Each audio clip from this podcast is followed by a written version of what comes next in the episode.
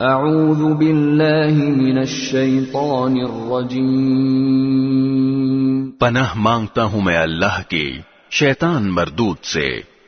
بسم اللہ الرحمن الرحیم. شروع اللہ کے نام سے جو سب پر مہربان ہے بہت مہربان ہے۔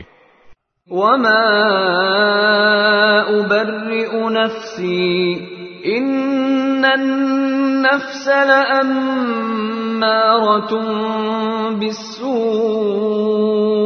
إلا ما رحم ربي إن ربي غفور رحيم اور میں یہ دعویٰ نہیں کرتا کہ میرا نفس بالکل پاک صاف ہے۔ واقعہ یہ ہے کہ نفس تو برائی کی تلقین کرتا ہی رہتا ہے۔ ہاں میرا رب رحم فرما دے تو بات اور ہے کہ اس صورت میں نفس کا کوئی داؤ نہیں چلتا بے شک، میرا رب بہت بخشنے والا، بڑا مہربان ہے۔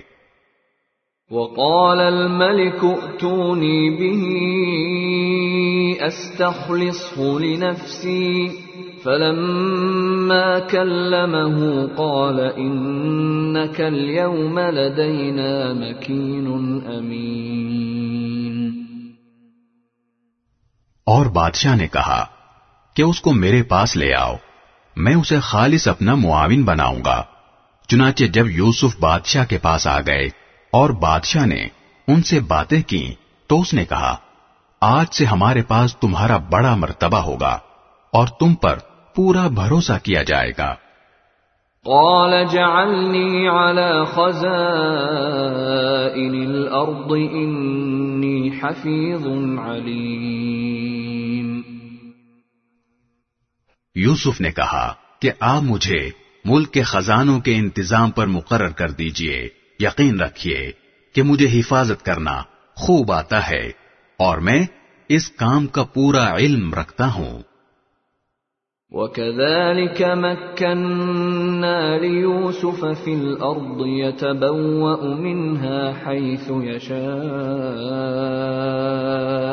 نصيب برحمتنا من نشاء. ولا نضيع أجر المحسنين. اور اس طرح ہم نے يوسف کو ملک میں ایسا اقتدار عطا کیا۔ کہ وہ اس میں جہاں چاہیں اپنا ٹھکانہ بنائے۔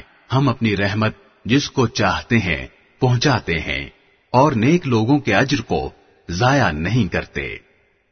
وَلَأَجْرُ الْآخِرَةِ خَيْرٌ لِّلَّذِينَ آمَنُوا وَكَانُوا يَتَّقُونَ۔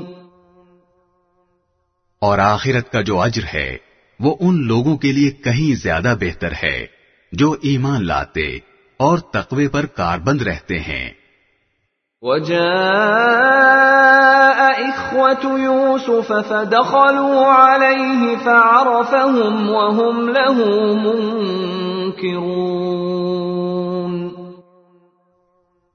اور جب قحط پڑا تو یوسف کے بھائی آئے اور ان کے پاس پہنچے۔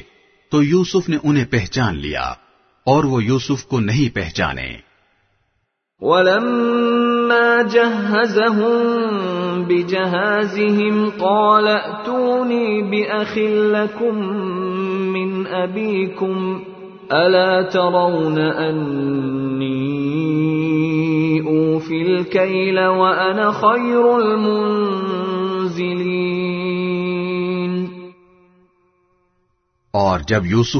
نے ان کا سامان تیار کر دیا تو ان سے کہا کہ آئندہ اپنے باپ شریک بھائی کو بھی میرے پاس لے کر آنا۔ کیا تم یہ نہیں دیکھ رہے ہو کہ میں پیمانہ بھر بھر کر دیتا ہوں اور میں بہترین مہمان نواز بھی ہوں؟ فَإِن لَّمْ تَأْتُونِي بِهِ فَلَا كَيْلَ لَكُمْ عِندِي وَلَا تَقْرَبُونَ۔ اب اگر تم اسے لے کر نہ آئے تو میرے پاس تمہارے لیے کوئی غلہ نہیں ہوگا اور تم میرے پاس بھی نہ بھٹکنا۔ قالوا سنراود عنه أباه وإنا إنا لفاعلون۔ وہ بولے ہم اس کے والد کو اس کے بارے میں بہلانے کی کوشش کریں گے کہ وہ اسے ہمارے ساتھ بھیج دیں اور ہم ایسا ضرور کریں گے۔ وقال لفتيانه جعلوا بضاعتهم في رحالهم لعلهم يعرفونها لعلهم يعرفونها إذا انقلبوا إلى أهلهم لعلهم يرجعون. اور یوسف نے اپنے نوکروں سے کہہ دیا کہ وہ ان بھائیوں کا مال جس کے بدلے انہوں نے غلہ خریدا ہے، انہی کے کجاووں میں رکھ دیں تاکہ جب یہ اپنے گھر والوں کے پاس واپس پہنچیں تو اپنے مال کو پہچان لیں۔ شاید اس احسان کی وجہ سے وہ دوبارہ آئیں۔ فلما رجعوا إلى أبيهم قالوا يا أبانا منع منا الكيل فأرسل معنا أخانا نكتل وإنا له لحافظون. چنانچہ جب وہ اپنے والد کے پاس واپس پہنچے تو انہوں نے کہا، ابا جان، آئندہ ہمیں غلہ دینے سے انکار کر دیا گیا ہے، لہذا آپ ہمارے بھائی بن یامین کو ہمارے ساتھ بھیج دیجیے، تاکہ ہم پھر غلہ لا سکیں، اور یقین رکھیے کہ ہم اس کی پوری پوری حفاظت کریں گے۔ قال هل آمنكم عليه إلا كما أمنتكم على أخيه من قبل؟ فالله خير حافظا وهو أرحم الراحمين. والد نے کہا کیا میں اس کے بارے میں تم پر ویسا ہی بھروسہ کروں جیسا اس کے بھائی یوسف کے بارے میں تم پر پہلے کیا تھا۔ خیر، اللہ سب سے بڑھ کر نگہبان ہے اور وہ سب سے بڑھ کر رحم فرمانے والا ہے۔ ولما فتحوا متاعهم وجدوا بضاعتهم ردت إليهم قالوا يا أبانا ما نبغي هذه بضاعتنا ردت إلينا ونمير أهلنا ونحفظ أخانا ونزداد كيل بعير. ذلك كيل يسير. اور جب انہوں نے اپنا سامان کھولا تو دیکھا کہ ان کا مال بھی ان کو لوٹا دیا گیا ہے۔ وہ کہنے لگے، ابا جان، ہمیں اور کیا چاہیے؟ یہ ہمارا مال ہے جو ہمیں لوٹا دیا گیا ہے۔ اور اس مرتبہ ہم اپنے گھر والوں کے لیے اور غلہ لائیں گے۔ اپنے بھائی کی حفاظت کریں گے۔ اور ایک اونٹ کا بوجھ زیادہ لے کر آئیں گے۔ اس طرح یہ زیادہ غلہ بڑی آسانی سے مل جائے گا۔ قال لن أرسله معكم حتى تؤتون موثقا من الله لتأتنني به إلا أن يحاط بكم فلما آتوه موثقهم قال الله على ما نقول وكيل والد نے کہا، میں اس بنیامین کو تمہارے ساتھ اس وقت تک ہرگز نہیں بھیجوں گا، جب تک تم اللہ کے نام پر مجھ سے یہ عہد نہ کرو کہ اسے ضرور میرے پاس واپس لے کر آؤ گے۔ اللہ یہ کہ تم واقعی بے بس ہو جاؤ۔ چنانچہ جب انہوں نے اپنے والد کو یہ عہد دے دیا، تو والد نے کہا، جو قول و قرار ہم کر رہے ہیں، اس پر اللہ نگہبان ہے۔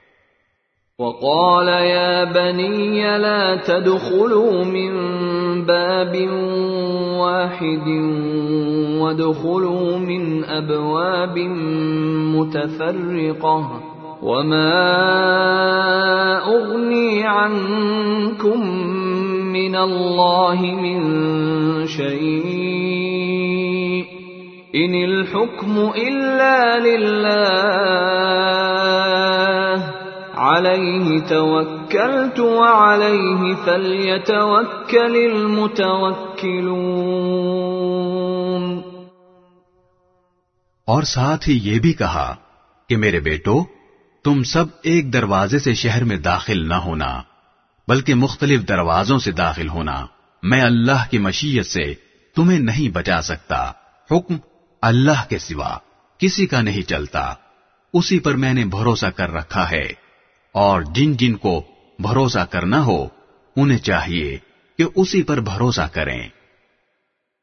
ولما دخلوا من حيث امرهم ابوهم ما كان يغني عنهم من الله من شيء الا حاجة في نفس يعقوب قضاها وَإِنَّهُ لَذُو عِلْمٍ لِّمَا عَلَّمْنَاهُ وَلَكِنَّ أَكْثَرَ النَّاسِ لَا يَعْلَمُونَ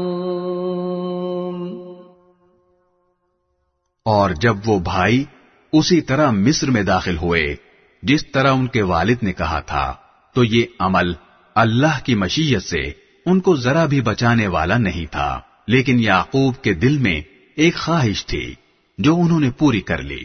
بے شک، وہ ہمارے سکھائے ہوئے علم کے حامل تھے، لیکن اکثر لوگ معاملے کی حقیقت نہیں جانتے۔ ولما دخلوا على يوسف آوى إليه أخاه، قال إني أنا أخوك فلا تبتئس بما كانوا يعملون. اور جب یہ لوگ یوسف کے پاس پہنچے، تو انہوں نے اپنے سگے بھائی بنیامین کو اپنے پاس خاص جگہ دی اور انہیں بتایا کہ میں تمہارا بھائی ہوں، لہذا تم ان باتوں پر رنجیدہ نہ ہونا جو یہ دوسرے بھائی کرتے رہے ہیں۔ فلما جهزهم بجهازهم جعل السقاية في رحل أخيه جعل السقاية في رحل أخيه ثم أذن مؤذن أيتها العير إنكم لسارقون.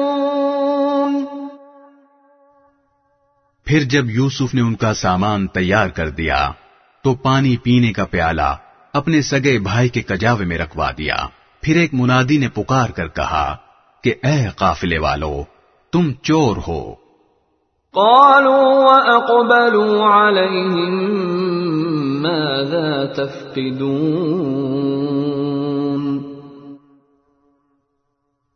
انہوں نے ان کی طرف مڑ کر پوچھا کہ کیا چیز ہے جو تم سے گم ہو گئی ہے قالوا نفقد صواع الملك ولمن جاء به حمل بعير.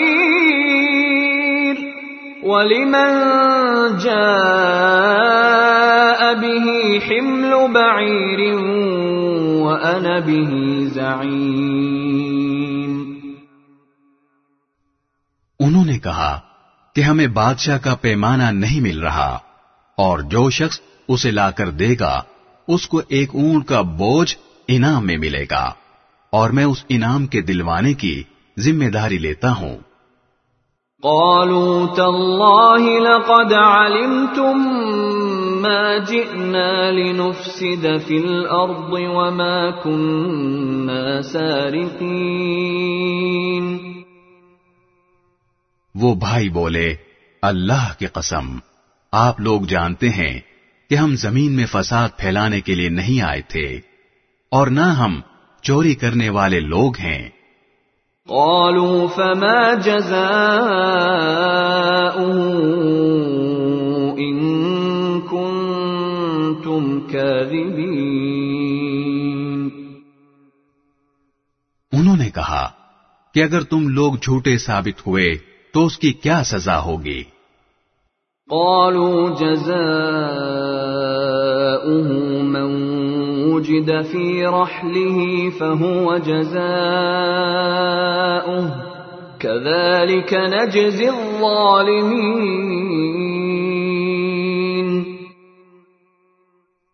انہوں نے کہا اس کی سزا یہ ہے کہ جس کجاوے میں سے وہ پیالہ مل جائے وہ خود سزا میں دھر لیا جائے۔ جو لوگ ظلم کرتے ہیں، ہم ان کو ایسی ہی سزا دیا کرتے ہیں۔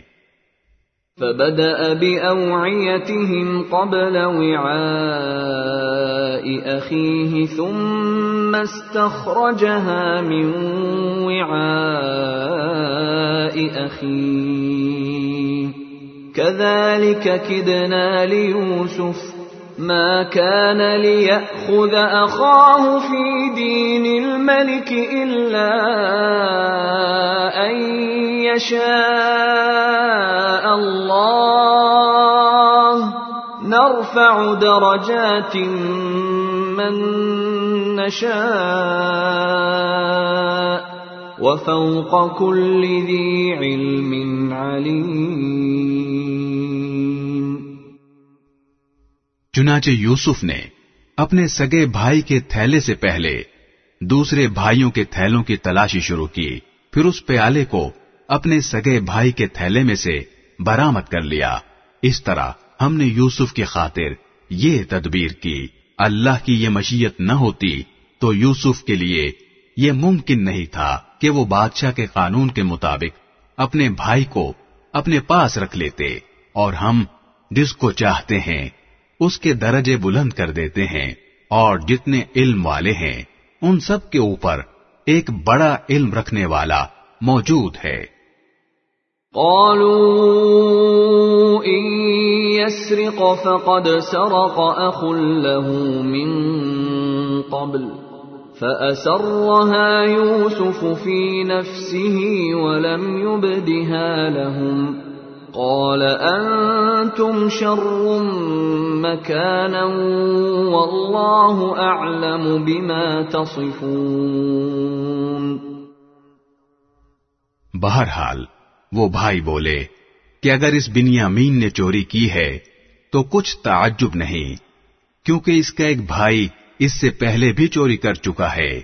اس پر یوسف نے ان پر ظاہر کیے بغیر چپکے سے دل میں کہا کہ تم تو اس معاملے میں کہیں زیادہ برے ہو اور جو بیان تم دے رہے ہو، اللہ اس کی حقیقت خوب جانتا ہے۔ قالوا يا أيها العزيز إن له أبا شيخا كبيرا فخذ أحدنا مكانه نراك من المحسنين۔ اب وہ کہنے لگے کہ اے عزیز اس کا ایک بہت بوڑھا باپ ہے اس لیے اس کی جگہ ہم میں سے کسی کو اپنے پاس رکھ لیجیے۔ ہم آپ کو ان لوگوں میں سے سمجھتے ہیں جو احسان کیا کرتے ہیں۔ قال معاذ الله أن نأخذ إلا من وجدنا متاعنا عنده. إنا إذا لظالمون. یوسف نے کہا، اس نا انصافی سے میں اللہ کی پناہ مانگتا ہوں کہ جس شخص کے پاس سے ہماری چیز ملی ہے، اس کو چھوڑ کر کسی اور کو پکڑ لیں۔ اگر ہم ایسا کریں گے تو یقینی طور پر ہم ظالم ہوں گے فلما استيئسوا منه خلصوا نجيا قال كبيرهم ألم تعلموا أن أباكم قد أخذ عليكم موثقا من الله ومن قبل ما فرطتم في يوسف فلن أبرح الأرض حتى يأذن لي أبي أو يحكم الله لي وهو خير الحاكمين چنانچہ جب وہ یوسف سے مایوس ہو گئے تو الگ ہو کر چپ کے چپ کے مشورہ کرنے لگے۔ ان سب میں جو بڑا تھا، اس نے کہا، کیا تمہیں معلوم نہیں کہ تمہارے والد نے تم سے اللہ کے نام پر عہد لیا تھا؟ اور اس سے پہلے تم یوسف کے معاملے میں جو قصور کر چکے ہو، وہ بھی معلوم ہے۔ لہذا میں تو اس ملک سے اس وقت تک نہیں ٹلوں گا۔ جب تک میرے والد مجھے اجازت نہ دیں یا اللہ ہی میرے حق میں کوئی فیصلہ فرما دے، اور وہی سب سے بہتر فیصلہ کرنے والا ہے۔ ارجعوا الى ابيكم فقولوا يا ابنك سرق وما شهدنا الا بما علمنا وما كنا للغيب حافظين. جاؤ، اپنے والد کے پاس واپس جاؤ اور ان سے کہو کہ ابا جان، آپ کے بیٹے نے چوری کر لی تھی اور ہم نے وہی بات کہی ہے جو ہمارے علم میں آئی ہے۔ اور غیب کی نگہبانی تو ہمارے بس میں نہیں تھی۔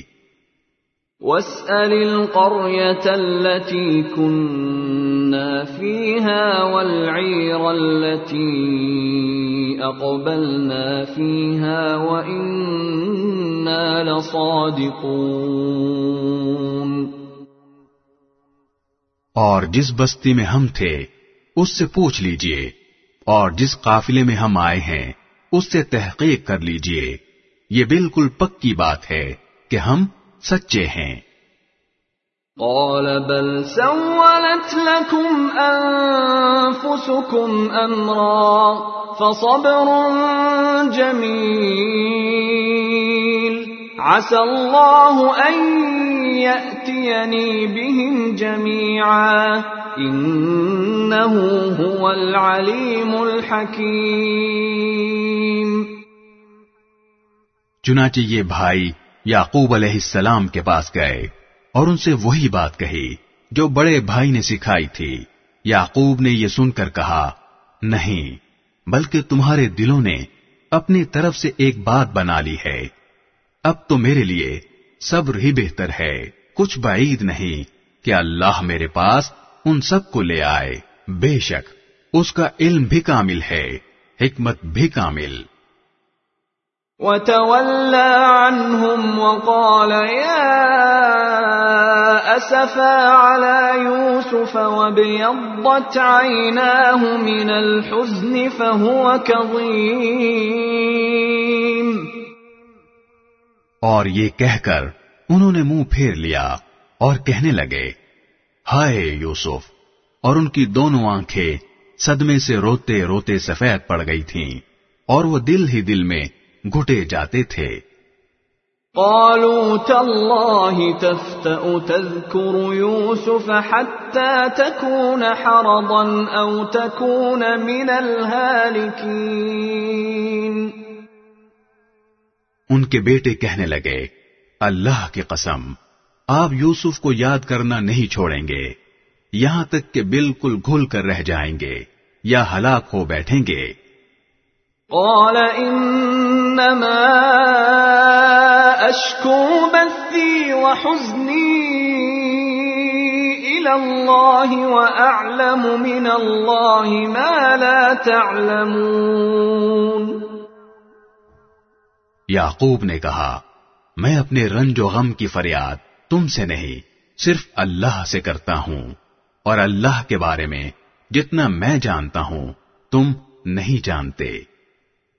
يا بني يذهبوا فتحسسوا من يوسف وأخيه ولا تيأسوا من روح الله إنه لا ييأس من روح الله إلا القوم الكافرون. میرے بیٹو، جاؤ اور یوسف اور اس کے بھائی کا کچھ سراغ لگاؤ اور اللہ کی رحمت سے نہ امید نہ ہو، یقین جانو، اللہ کی رحمت سے وہی لوگ نہ امید ہوتے ہیں جو کافر ہیں۔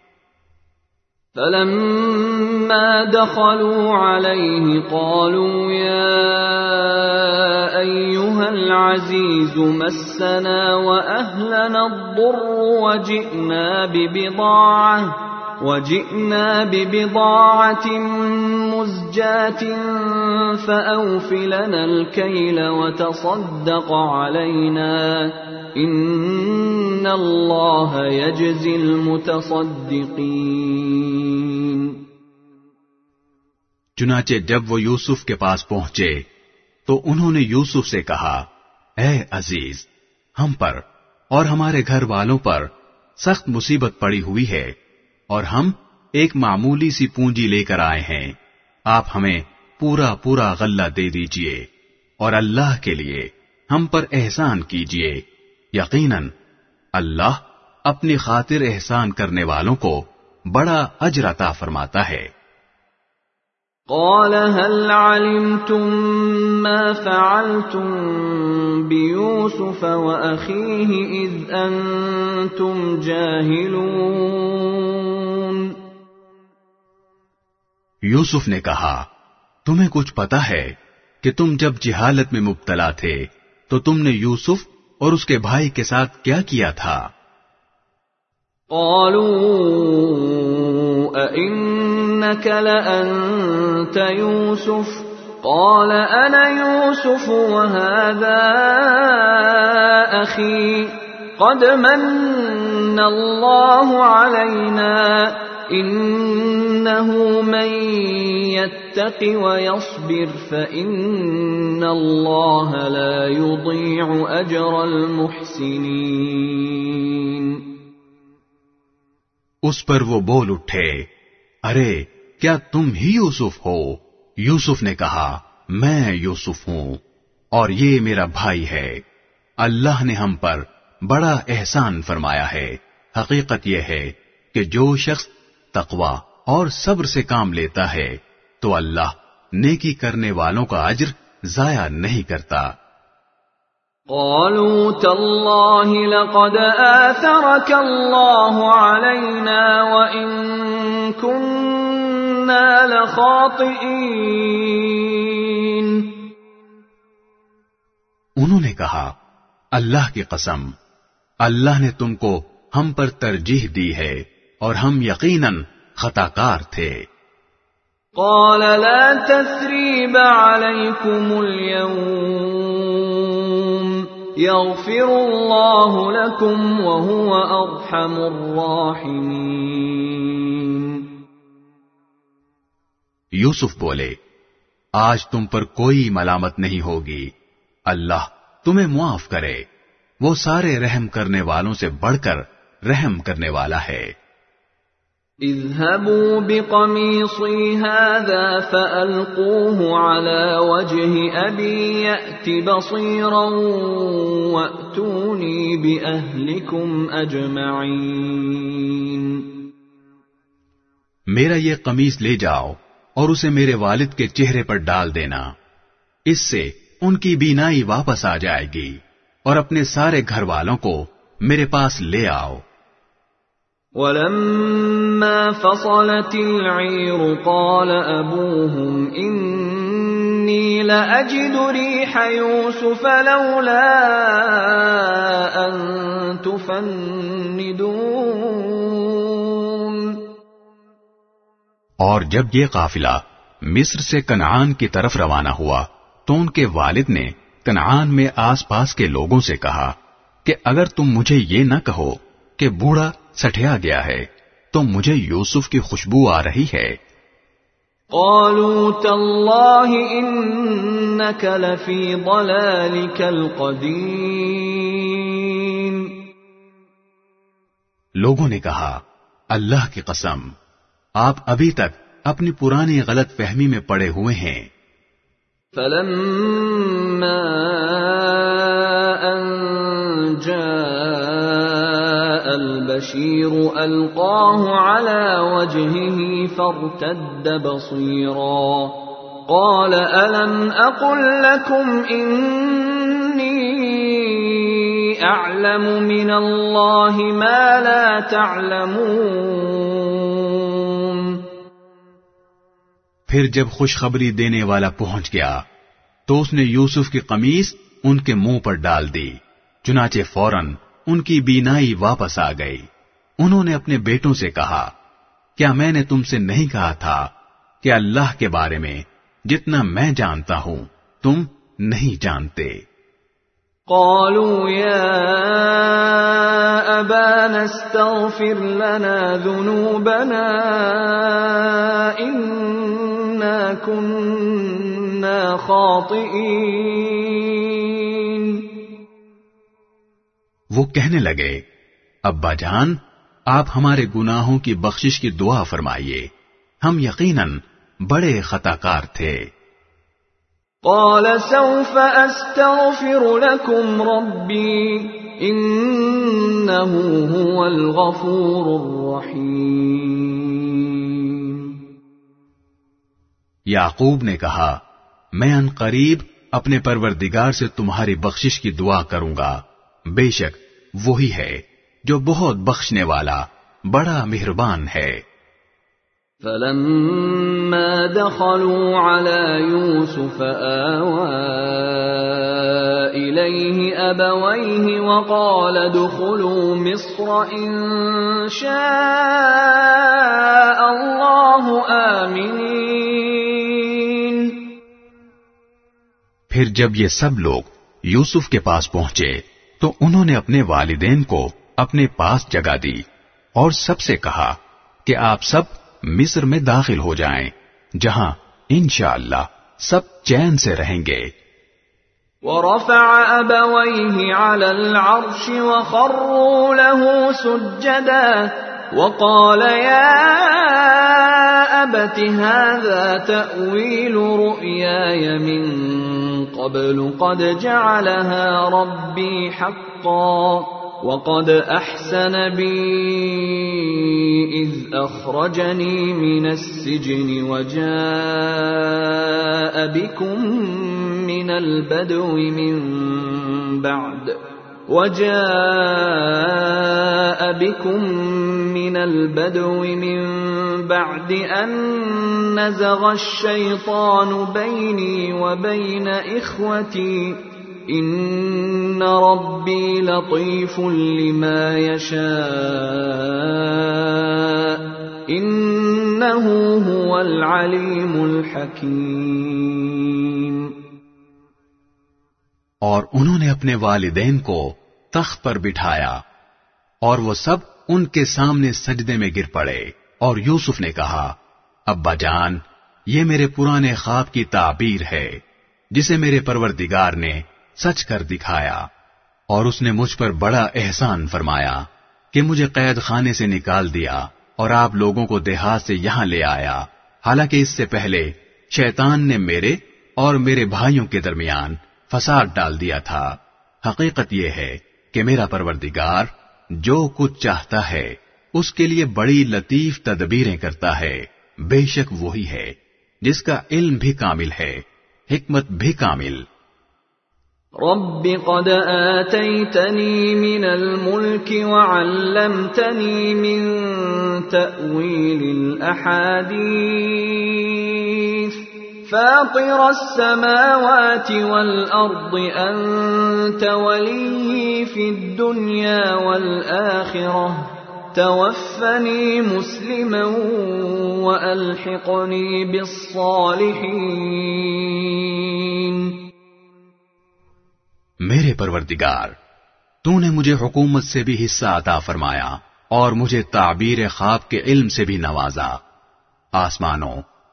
اور زمین کے پیدا کرنے والے۔ تو ہی دنیا اور آخرت میں میرا رکھوالا ہے۔ مجھے اس حالت میں دنیا سے اٹھانا کہ میں تیرا فرما بردار ہوں اور مجھے نیک لوگوں میں شامل کرنا۔ ذلك من انباء الغيب نوحيه اليك وما كنت لديهم اذ اجمعوا امرهم وهم يمكرون. اے پیغمبر، یہ تمام واقعہ غیب کی خبروں کا ایک حصہ ہے جو ہم تمہیں وہی کے ذریعے بتا رہے ہیں، اور تم اس وقت ان یوسف کے بھائیوں کے پاس موجود نہیں تھے جب انہوں نے سازش کر کے اپنا فیصلہ پختہ کر لیا تھا کہ یوسف کو کنویں میں ڈالیں گے۔ وما اكثر الناس ولو حرصت بمؤمنين۔ اس کے باوجود اکثر لوگ ایمان لانے والے نہیں ہیں۔ چاہے تمہارا کیسا ہی دل چاہتا ہو۔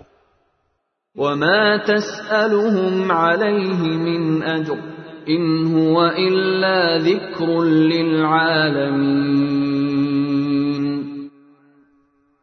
حالانکہ تم ان سے اس تبلیغ پر کوئی اجرت نہیں مانگتے۔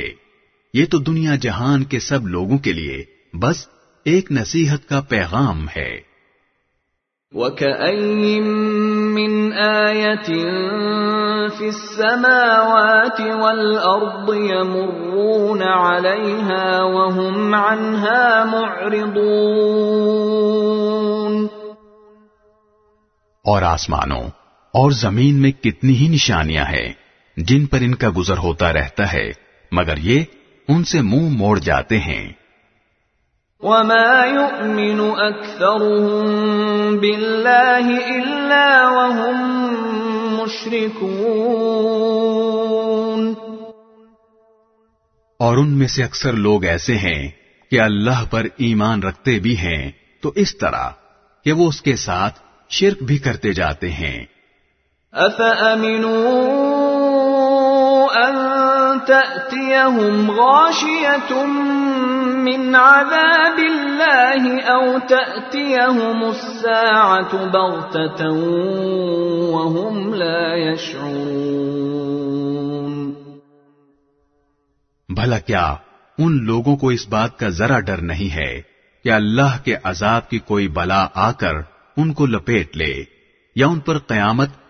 اچانک ٹوٹ پڑے اور انہیں پہلے سے احساس بھی نہ ہو۔ قل هذه سبيلي أدعو إلى الله على بصيرة أنا ومن اتبعني وسبحان الله وما أنا من المشركين۔ اے پیغمبر، کہہ دو کہ یہ میرا راستہ ہے۔ میں بھی پوری بصیرت کے ساتھ اللہ کی طرف بلاتا ہوں اور جنہوں نے میری پیروی کی ہے، وہ بھی۔ اور اللہ ہر قسم کے شرک سے پاک ہے اور میں ان لوگوں میں سے نہیں ہوں جو اللہ کے ساتھ کسی کو شریک ٹھہراتے ہیں۔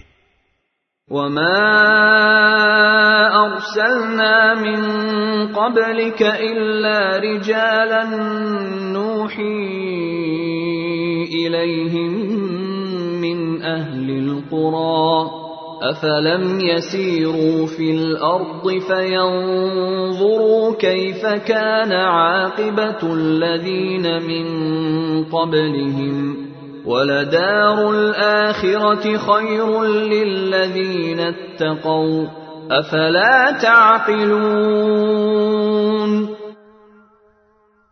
اور ہم نے تم سے پہلے جو رسول بھیجے، وہ سب مختلف بستیوں میں بسنے والے انسان ہی تھے، جن پر ہم وہی بھیجتے تھے۔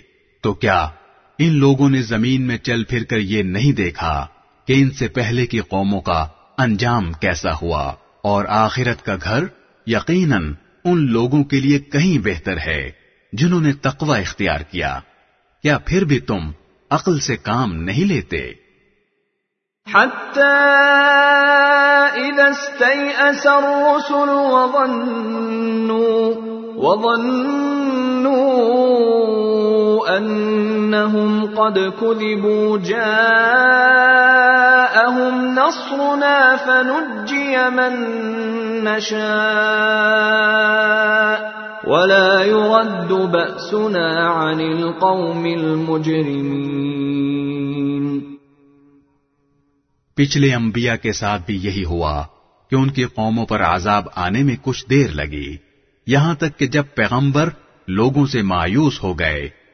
اور کافر لوگ یہ سمجھنے لگے کہ انہیں جھوٹی دھمکیاں دی گئی تھیں تو ان پیغمبروں کے پاس ہماری مدد پہنچ گئی۔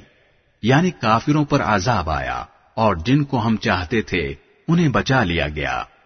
اور جو لوگ مجرم ہوتے ہیں، ان سے ہمارے عذاب کو ٹالا نہیں جا سکتا۔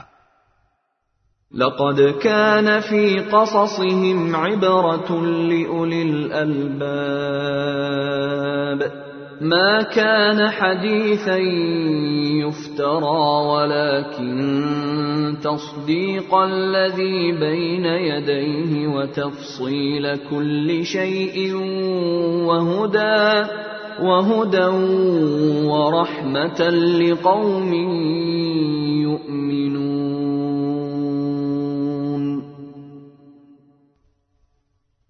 یقیناً ان کے واقعات میں عقل و ہوش رکھنے والوں کے لیے بڑا عبرت کا سامان ہے۔ یہ کوئی ایسی بات نہیں ہے جو جھوٹ موٹ گھڑ لی گئی ہو، بلکہ اس سے پہلے جو کتابیں آ چکی ہیں، ان کی تصدیق ہے اور ہر بات کی وضاحت۔ اور جو لوگ ایمان لائیں، ان کے لیے ہدایت اور رحمت کا سامان۔ بسم اللہ الرحمن الرحیم۔ شروع اللہ کے نام سے، جو سب پر مہربان ہے، بہت مہربان ہے۔ الف لام میم را۔ تلك آيات الكتاب والذي أنزل إليك من ربك الحق۔ ولكن أكثر الناس لا يؤمنون. الف لام میم را، یہ اللہ کی کتاب کی آیتیں ہیں۔ اور اے پیغمبر، جو کچھ تم پر تمہارے پروردگار کی طرف سے نازل کیا گیا ہے، برحق ہے، لیکن اکثر لوگ ایمان نہیں لا رہے۔ الله الذي رفع السماوات بغير عمد ترونها ثم استوى على العرش وسخر الشمس والقمر كل يجري لأجل مسمى. يدبر الأمر، يفصل الآيات لعلكم بلقاء ربكم توقنون. اللہ وہ ہے جس نے ایسے ستونوں کے بغیر آسمانوں کو بلند کیا جو تمہیں نظر آ سکیں۔ پھر اس نے عرش پر استوا فرمایا اور سورج اور چاند کو کام پر لگا دیا۔ ہر چیز ایک معین میعاد تک کے لیے رواں دواں ہے۔ وہی تمام کاموں کی تدبیر کرتا ہے۔ وہی ان نشانیوں کو کھول کھول کر بیان کرتا ہے۔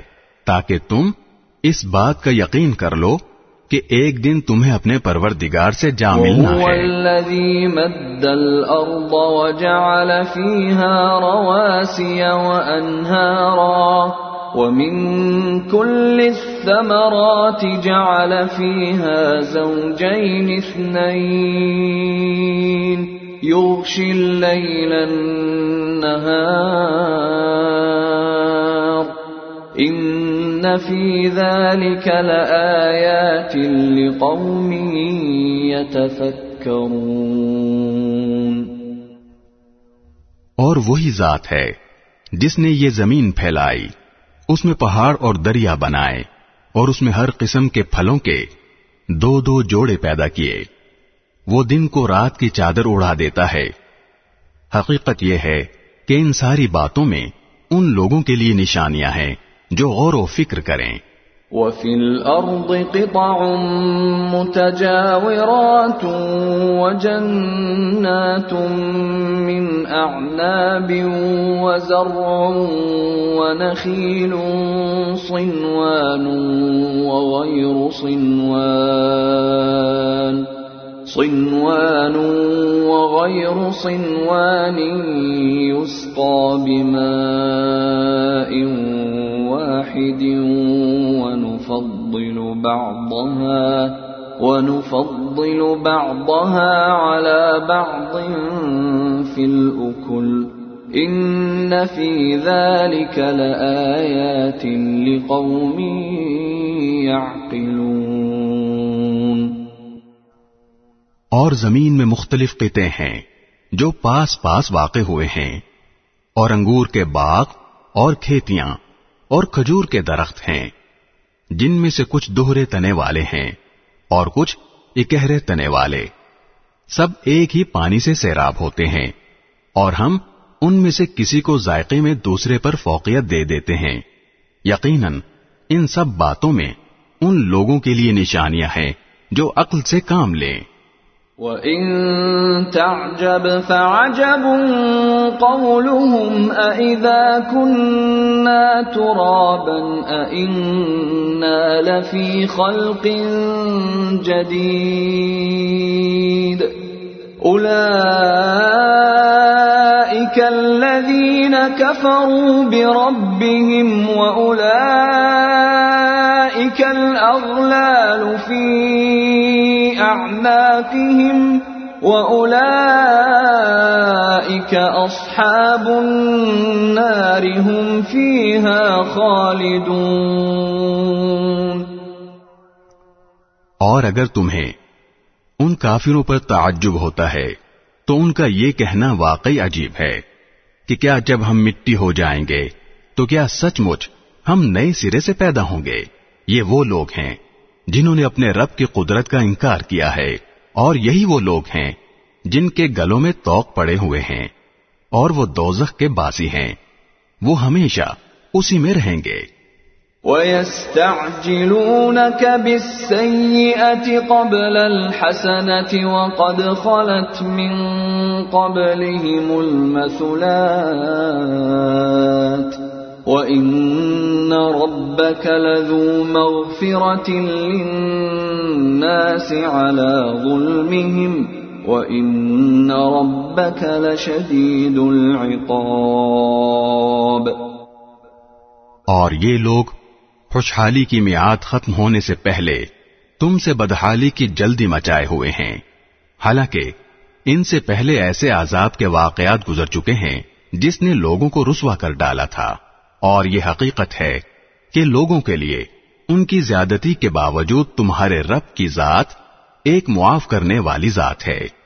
اور یہ بھی حقیقت ہے کہ اس کا عذاب بڑا سخت ہے۔ وَيَقُولُ الَّذِينَ كَفَرُوا لَوْلَا أُنزِلَ عَلَيْهِ آيَةٌ مِّن رَّبِّهِ إِنَّمَا أَنتَ مُنذِرٌ وَلِكُلِّ قَوْمٍ هَادٍ اور جن لوگوں نے کفر اپنا لیا ہے، وہ کہتے ہیں کہ بھلا ان پر یعنی آ حضرت صلی اللہ علیہ وسلم پر، ان کے رب کی طرف سے کوئی معجزہ کیوں نہیں اتارا گیا؟ اے پیغمبر، بات یہ ہے کہ تم تو صرف خطرے سے ہوشیار کرنے والے ہو، اور ہر قوم کے لیے کوئی نہ کوئی ایسا شخص ہوا ہے جو ہدایت کا راستہ دکھائے۔ اللہ يعلم ما تحمل كل انثى وما تغيض الارحام وما تزداد وكل شيء عنده بمقدار جس کسی مادہ کو جو حمل ہوتا ہے، اللہ اس کو بھی جانتا ہے اور ماؤں کے رحم میں جو کوئی کمی بیشی ہوتی ہے اس کو بھی۔ اور ہر چیز کا اس کے ہاں ایک اندازہ مقرر ہے۔ عالم الغیب والشہادت الكبیر المتعال۔ وہ غائب و حاضر تمام باتوں کا جاننے والا ہے۔ اس کی ذات بہت بڑی ہے۔ اس کی شان بہت اونچی۔ سواء منكم من أسر القول ومن جهر به ومن هو مستخف بالليل ومن هو مستخف بالليل وسارب بالنهار تم میں سے کوئی چپکے سے بات کرے یا زور سے، کوئی رات کے وقت چھپا ہوا ہو یا دن کے وقت چل پھر رہا ہو، وہ سب اللہ کے علم کے لحاظ سے برابر ہیں۔ له معقبات من بين يديه ومن خلفه يحفظونه من امر الله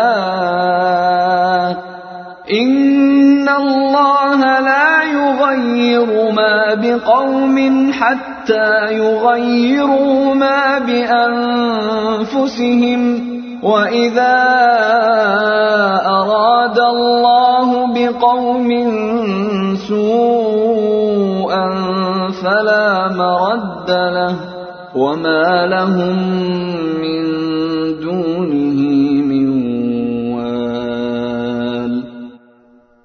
ہر شخص کے آگے اور پیچھے وہ نگراں فرشتے مقرر ہیں جو اللہ کے حکم سے باری باری اس کی حفاظت کرتے ہیں۔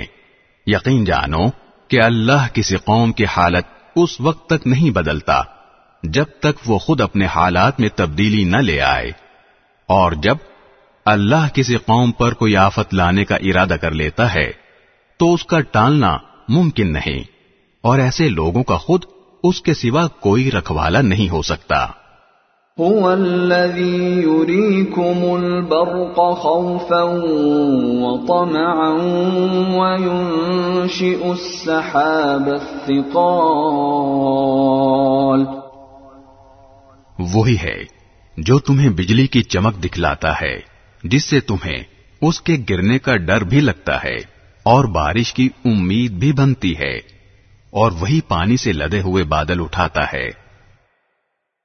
وَيُسَبِّحُ الرَّعْدُ بِحَمْدِهِ وَالْمَلَائِكَةُ مِنْ خِيفَتِهِ وَيُرْسِلُ الصَّوَاعِقَ ويرسل الصواعق فيصيب بها من يشاء وهم يجادلون في الله وهو شديد المحال. اور بادلوں کی گرج اسی کی تسبیح اور حمد کرتی ہے اور اس کے روب سے فرشتے بھی تسبیح میں لگے ہوئے ہیں اور وہی کڑکتی ہوئی بجلیاں بھیجتا ہے، پھر جس پر چاہتا ہے انہیں مصیبت بنا کر گرا دیتا ہے۔ اور ان کافروں کا حال یہ ہے کہ یہ اللہ ہی کے بارے میں بحث کر رہے ہیں۔ حالانکہ اس کی طاقت بڑی زبردست ہے۔ له دعوة الحق والذين يدعون من دونه لا يستجيبون لهم بشيء إلا إلا كباسط كفيه إلى الماء ليبلغ فاه وما هو ببالغه وما دعاء الكافرين إلا في ضلال۔ وہی ہے جس سے دعا کرنا برحق ہے اور اس کو چھوڑ کر یہ لوگ جن دیوتاؤں کو پکارتے ہیں۔ وہ ان کی دعاؤں کا کوئی جواب نہیں دیتے۔ البتہ، ان کی مثال اس شخص کی سی ہے جو پانی کی طرف اپنے دونوں ہاتھ پھیلا کر یہ چاہے کہ پانی خود اس کے منہ تک پہنچ جائے۔ حالانکہ وہ کبھی خود منہ تک نہیں پہنچ سکتا۔ اور بتوں سے کافروں کے دعا کرنے کا نتیجہ اس کے سوا کچھ نہیں کہ وہ بھٹکتی ہی پھرتی رہے۔ وَلِلَّهِ يَسْجُدُ مَن فِي السَّمَاوَاتِ وَالْأَرْضِ طَوْعًا وَكَرْهًا وَظِلَالُهُم بِالْغُدُوِّ وَالْآصَالِ اور وہ اللہ ہی ہے جس کو آسمانوں اور زمین کی ساری مخلوقات سجدہ کرتی ہیں، کچھ خوشی سے، کچھ مجبوری سے۔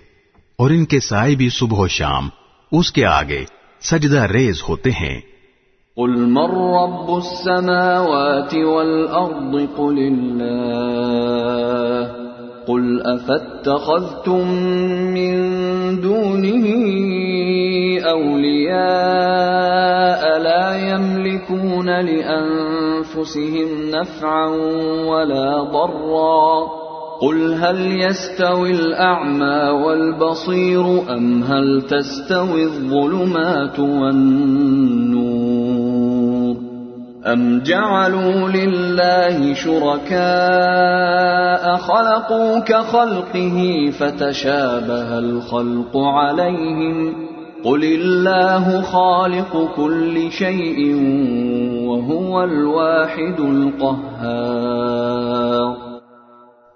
اے پیغمبر، ان کافروں سے کہو کہ وہ کون ہے جو آسمانوں اور زمین کی پرورش کرتا ہے؟ کہو کہ وہ اللہ ہے۔ کہو کہ کیا پھر بھی تم نے اس کو چھوڑ کر ایسے کارساز بنا لیے ہیں جنہیں خود اپنے آپ کو بھی نہ کوئی فائدہ پہنچانے کی قدرت حاصل ہے، نہ نقصان پہنچانے کی۔ کہو کہ کیا اندھا اور دیکھنے والا برابر ہو سکتا ہے؟ یا کیا اندھیریاں اور روشنی ایک جیسی ہو سکتی ہیں یا ان لوگوں نے اللہ کے ایسے شریک مانے ہوئے ہیں جنہوں نے کوئی چیز اسی طرح پیدا کی ہو جیسے اللہ پیدا کرتا ہے اور اس وجہ سے ان کو دونوں کی تخلیق ایک جیسی معلوم ہو رہی ہو۔ اگر کوئی اس غلط فہمی میں مبتلا ہے، تو اس سے کہہ دو کہ صرف اللہ ہر چیز کا خالق ہے اور وہ تنہا ہی ایسا ہے۔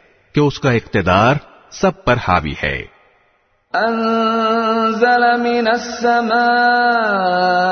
ماء فسالت أودية بقدرها فاحتمل السيل زبدا رابيا ومما يوقدون عليه في النار ابتغاء حلية أو متاع زبد مثله.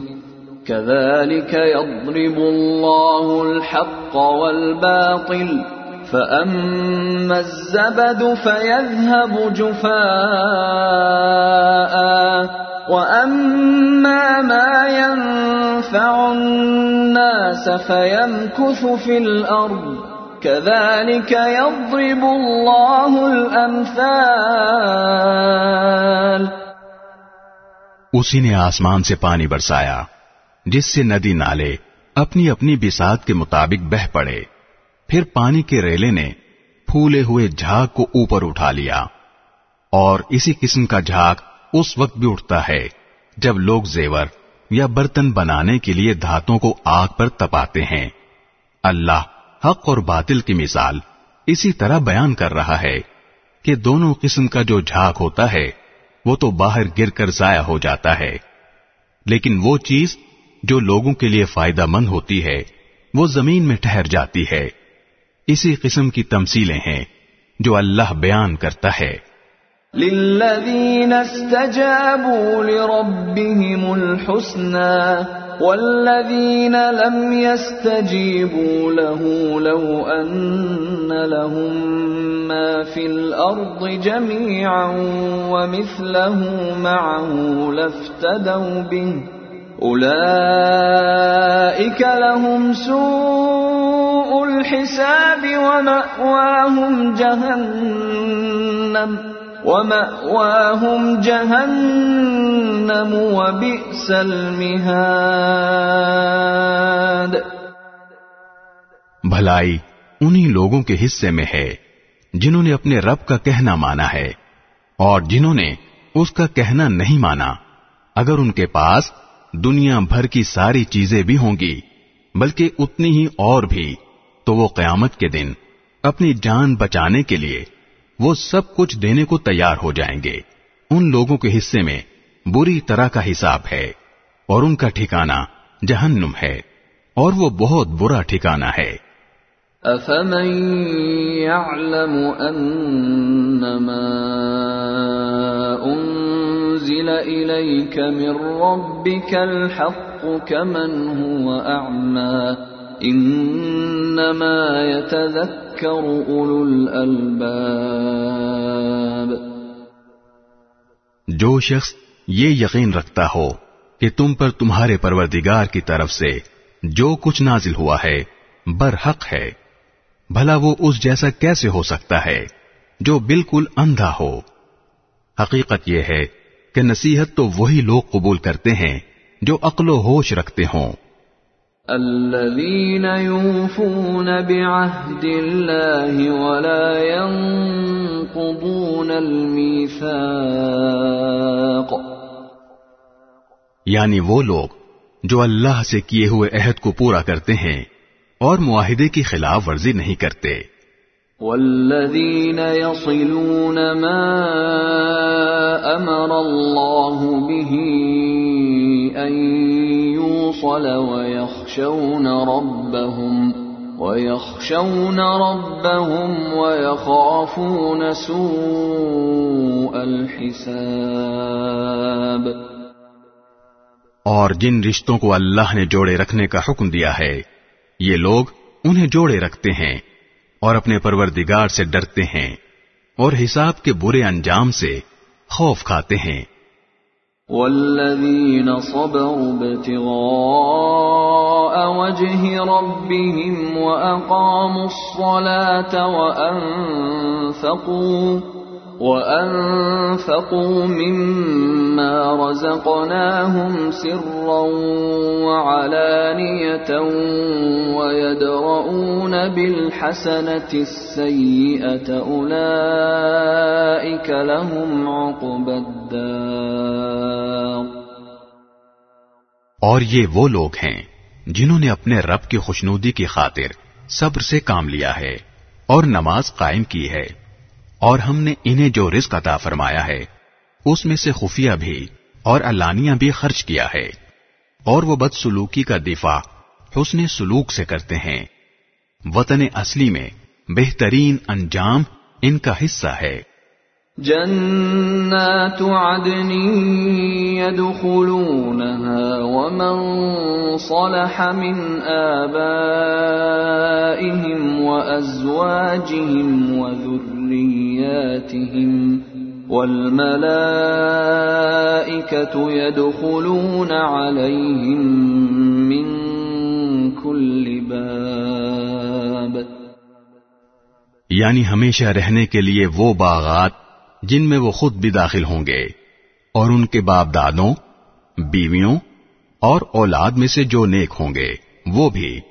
اور ان کے استقبال کے لیے فرشتے ان کے پاس ہر دروازے سے یہ کہتے ہوئے داخل ہوں گے۔ سلام عليكم بما صبرتم فنعم عقب الدار۔ کہ تم نے دنیا میں جو صبر سے کام لیا تھا اس کی بدولت اب تم پر سلامتی ہی سلامتی نازل ہوگی اور تمہارے اصلی وطن میں یہ تمہارا بہترین انجام ہے۔ والذين ينقضون عهد الله من بعد ميثاقه ويقطعون ويقطعون ما أمر الله به أن يوصل ويفسدون في الأرض أولئك أولئك لهم اللعنة ولهم سوء الدار۔ اور دوسری طرف، جو لوگ اللہ سے کیے ہوئے عہد کو مضبوطی سے باندھنے کے بعد توڑتے ہیں، اور جن رشتوں کو اللہ نے جوڑے رکھنے کا حکم دیا ہے، انہیں کاٹ ڈالتے ہیں اور زمین میں فساد مچاتے ہیں۔ تو ایسے لوگوں کے حصے میں لانت آتی ہے۔ اور اصلی وطن میں برا انجام انہی کا ہے۔ الله يبسط الرزق لمن يشاء ويقدر وفرحوا بالحياة الدنيا وما الحياة الدنيا في الآخرة إلا متاع۔ اللہ جس کے لیے چاہتا ہے رزق میں وسعت کر دیتا ہے اور جس کے لیے چاہتا ہے تنگی کر دیتا ہے۔ یہ کافر لوگ دنیاوی زندگی پر مگن ہیں۔ حالانکہ آخرت کے مقابلے میں دنیاوی زندگی کی حیثیت اس سے زیادہ نہیں کہ وہ معمولی سی پونجی ہے۔ ويقول الذين كفروا لولا أنزل عليه آية من ربه قل ان اللہ يضل من يشاء ويهدي الیہ من اناب اور جن لوگوں نے کفر اپنا لیا ہے، وہ یہ کہتے ہیں کہ ان پر یعنی محمد صلی اللہ علیہ وسلم پر، ان کے پروردگار کی طرف سے کوئی نشانی کیوں نہیں اتاری گئی؟ کہہ دو کہ اللہ جس کو چاہتا ہے، گمراہ کر دیتا ہے اور اپنے راستے پر انہی کو لاتا ہے جو اس کی طرف رجوع کریں۔ الذين آمنوا وتطمئن قلوبهم بذكر الله ألا بذكر الله تطمئن القلوب۔ یہ وہ لوگ ہیں جو ایمان لائے ہیں اور جن کے دل اللہ کے ذکر سے اطمینان حاصل کرتے ہیں۔ یاد رکھو کہ صرف اللہ کا ذکر ہی وہ چیز ہے جس سے دلوں کو اطمینان نصیب ہوتا ہے۔ الذين آمنوا وعملوا الصالحات طوبى لهم وحسن مآب۔ غرض جو لوگ ایمان لائے ہیں اور جنہوں نے نیک عمل کیے ہیں، ان کے حصے میں خوشحالی بھی ہے اور بہترین انجام بھی۔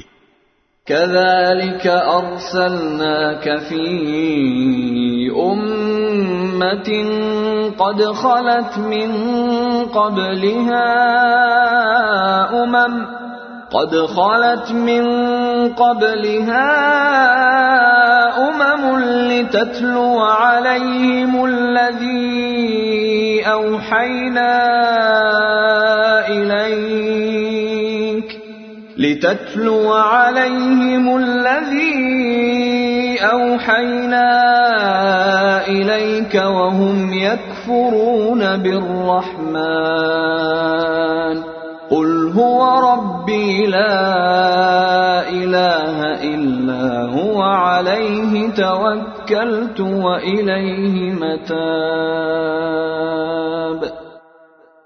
اے پیغمبر، جس طرح دوسرے رسول بھیجے گئے تھے، اسی طرح ہم نے تمہیں ایک ایسی امت میں رسول بنا کر بھیجا ہے، جس سے پہلے بہت سی امتیں گزر چکی ہیں، تاکہ تم ان کے سامنے وہ کتاب پڑھ کر سنا دو۔ جو ہم نے وہی کے ذریعے تم پر نازل کی ہے، اور یہ لوگ اس ذات کی ناشکری کر رہے ہیں جو سب پر مہربان ہے۔ کہہ دو کہ وہ میرا پالنے والا ہے۔ اس کے سوا کوئی عبادت کے لائق نہیں ہے۔ اسی پر میں نے بھروسہ کر رکھا ہے، اور اسی کی طرف مجھے لوٹ کر جانا ہے۔ ولو أن قرآنا سيرت به الجبال أو قطعت به الأرض أو كلم به الموتى بل لله الأمر جميعا أفلم ييأس الذين آمنوا أن لو يشاء الله لهدى الناس جميعا ولا يزال الذين كفروا تصيبهم بما صنعوا قارعة أو تحل قريبا من دارهم أو تحل قريبا من دارهم حتى يأتي وعد الله إن الله لا يخلف الميعاد اور اگر کوئی قرآن ایسا بھی اترتا جس کے ذریعے پہاڑ اپنی جگہ سے ہٹا دیے جاتے یا اس کی بدولت زمین شق کر دی جاتی اور اس سے دریا نکل پڑتے یا اس کے نتیجے میں مردوں سے بات کر لی جاتی، تب بھی یہ لوگ ایمان نہ لاتے۔ حقیقت تو یہ ہے کہ تمام تر اختیار اللہ کا ہے۔ کیا پھر بھی ایمان والوں نے یہ سوچ کر اپنا ذہن فارغ نہیں کیا کہ اگر اللہ چاہتا تو سارے ہی انسانوں کو زبردستی راہ پر لے آتا اور جنہوں نے کفر اپنایا ہے، ان پر تو ان کے کرتوت کی وجہ سے ہمیشہ کوئی نہ کوئی کھڑکھڑانے والی مصیبت پڑتی رہتی ہے یا ان کی بستی کے قریب کہیں نازل ہوتی رہتی ہے۔ یہاں تک کہ ایک دن اللہ نے جو وعدہ کر رکھا ہے وہ آ کر پورا ہو جائے گا۔ یقین رکھو کہ اللہ وعدے کی خلاف ورزی نہیں کرتا۔ وَلَقَدِ اسْتُهْزِئَ بِرُسُلٍ مِّن قَبْلِكَ فَأَمْلَيْتُ لِلَّذِينَ كَفَرُوا ثُمَّ أَخَذْتُهُمْ ثُمَّ أَخَذْتُهُمْ فَكَيْفَ كَانَ عِقَابِ اور اے پیغمبر حقیقت یہ ہے کہ تم سے پہلے پیغمبروں کا بھی مذاق اڑایا گیا تھا، اور ایسے کافروں کو بھی میں نے مہلت دی تھی۔ مگر کچھ وقت کے بعد میں نے ان کو گرفت میں لے لیا۔ اب دیکھ لو کہ میرا عذاب کیسا تھا۔ افمن هو قائم على كل نفس بما كسبت وجعلوا لله شركاء قل سموهم أم تنبئونه بما لا يعلم في الأرض أم بظاهر من القول بل زين للذين كفروا مكرهم وصدوا عن السبيل ومن يضلل الله فما له من هاد بھلا بتاؤ کہ ایک طرف وہ ذات ہے جو ہر ہر شخص کے ہر ہر کام کی نگرانی کر رہی ہے، اور دوسری طرف ان لوگوں نے اللہ کے ساتھ شریک مانے ہوئے ہیں۔ کہو کہ ذرا ان خدا کے شریکوں کے نام تو بتاؤ۔ اگر کوئی نام لوگے تو کیا اللہ کو کسی ایسے وجود کی خبر دو گے جس کا دنیا بھر میں اللہ کو بھی پتا نہیں ہے۔ یا خالی زبان سے ایسے نام لے لو گے جن کے پیچھے کوئی حقیقت نہیں۔ حقیقت تو یہ ہے کہ ان کافروں کو اپنی مکارانہ باتیں بڑی خوبصورت لگتی ہیں اور اس طرح ان کی ہدایت کے راستے میں رکاوٹ پیدا ہو گئی ہے اور جسے اللہ گمراہی میں پڑا رہنے دے اسے کوئی راہ پر لانے والا میسر نہیں آ سکتا۔ لهم عذاب في الحياة الدنيا ولعذاب الآخرة أشق وما لهم من الله من واق۔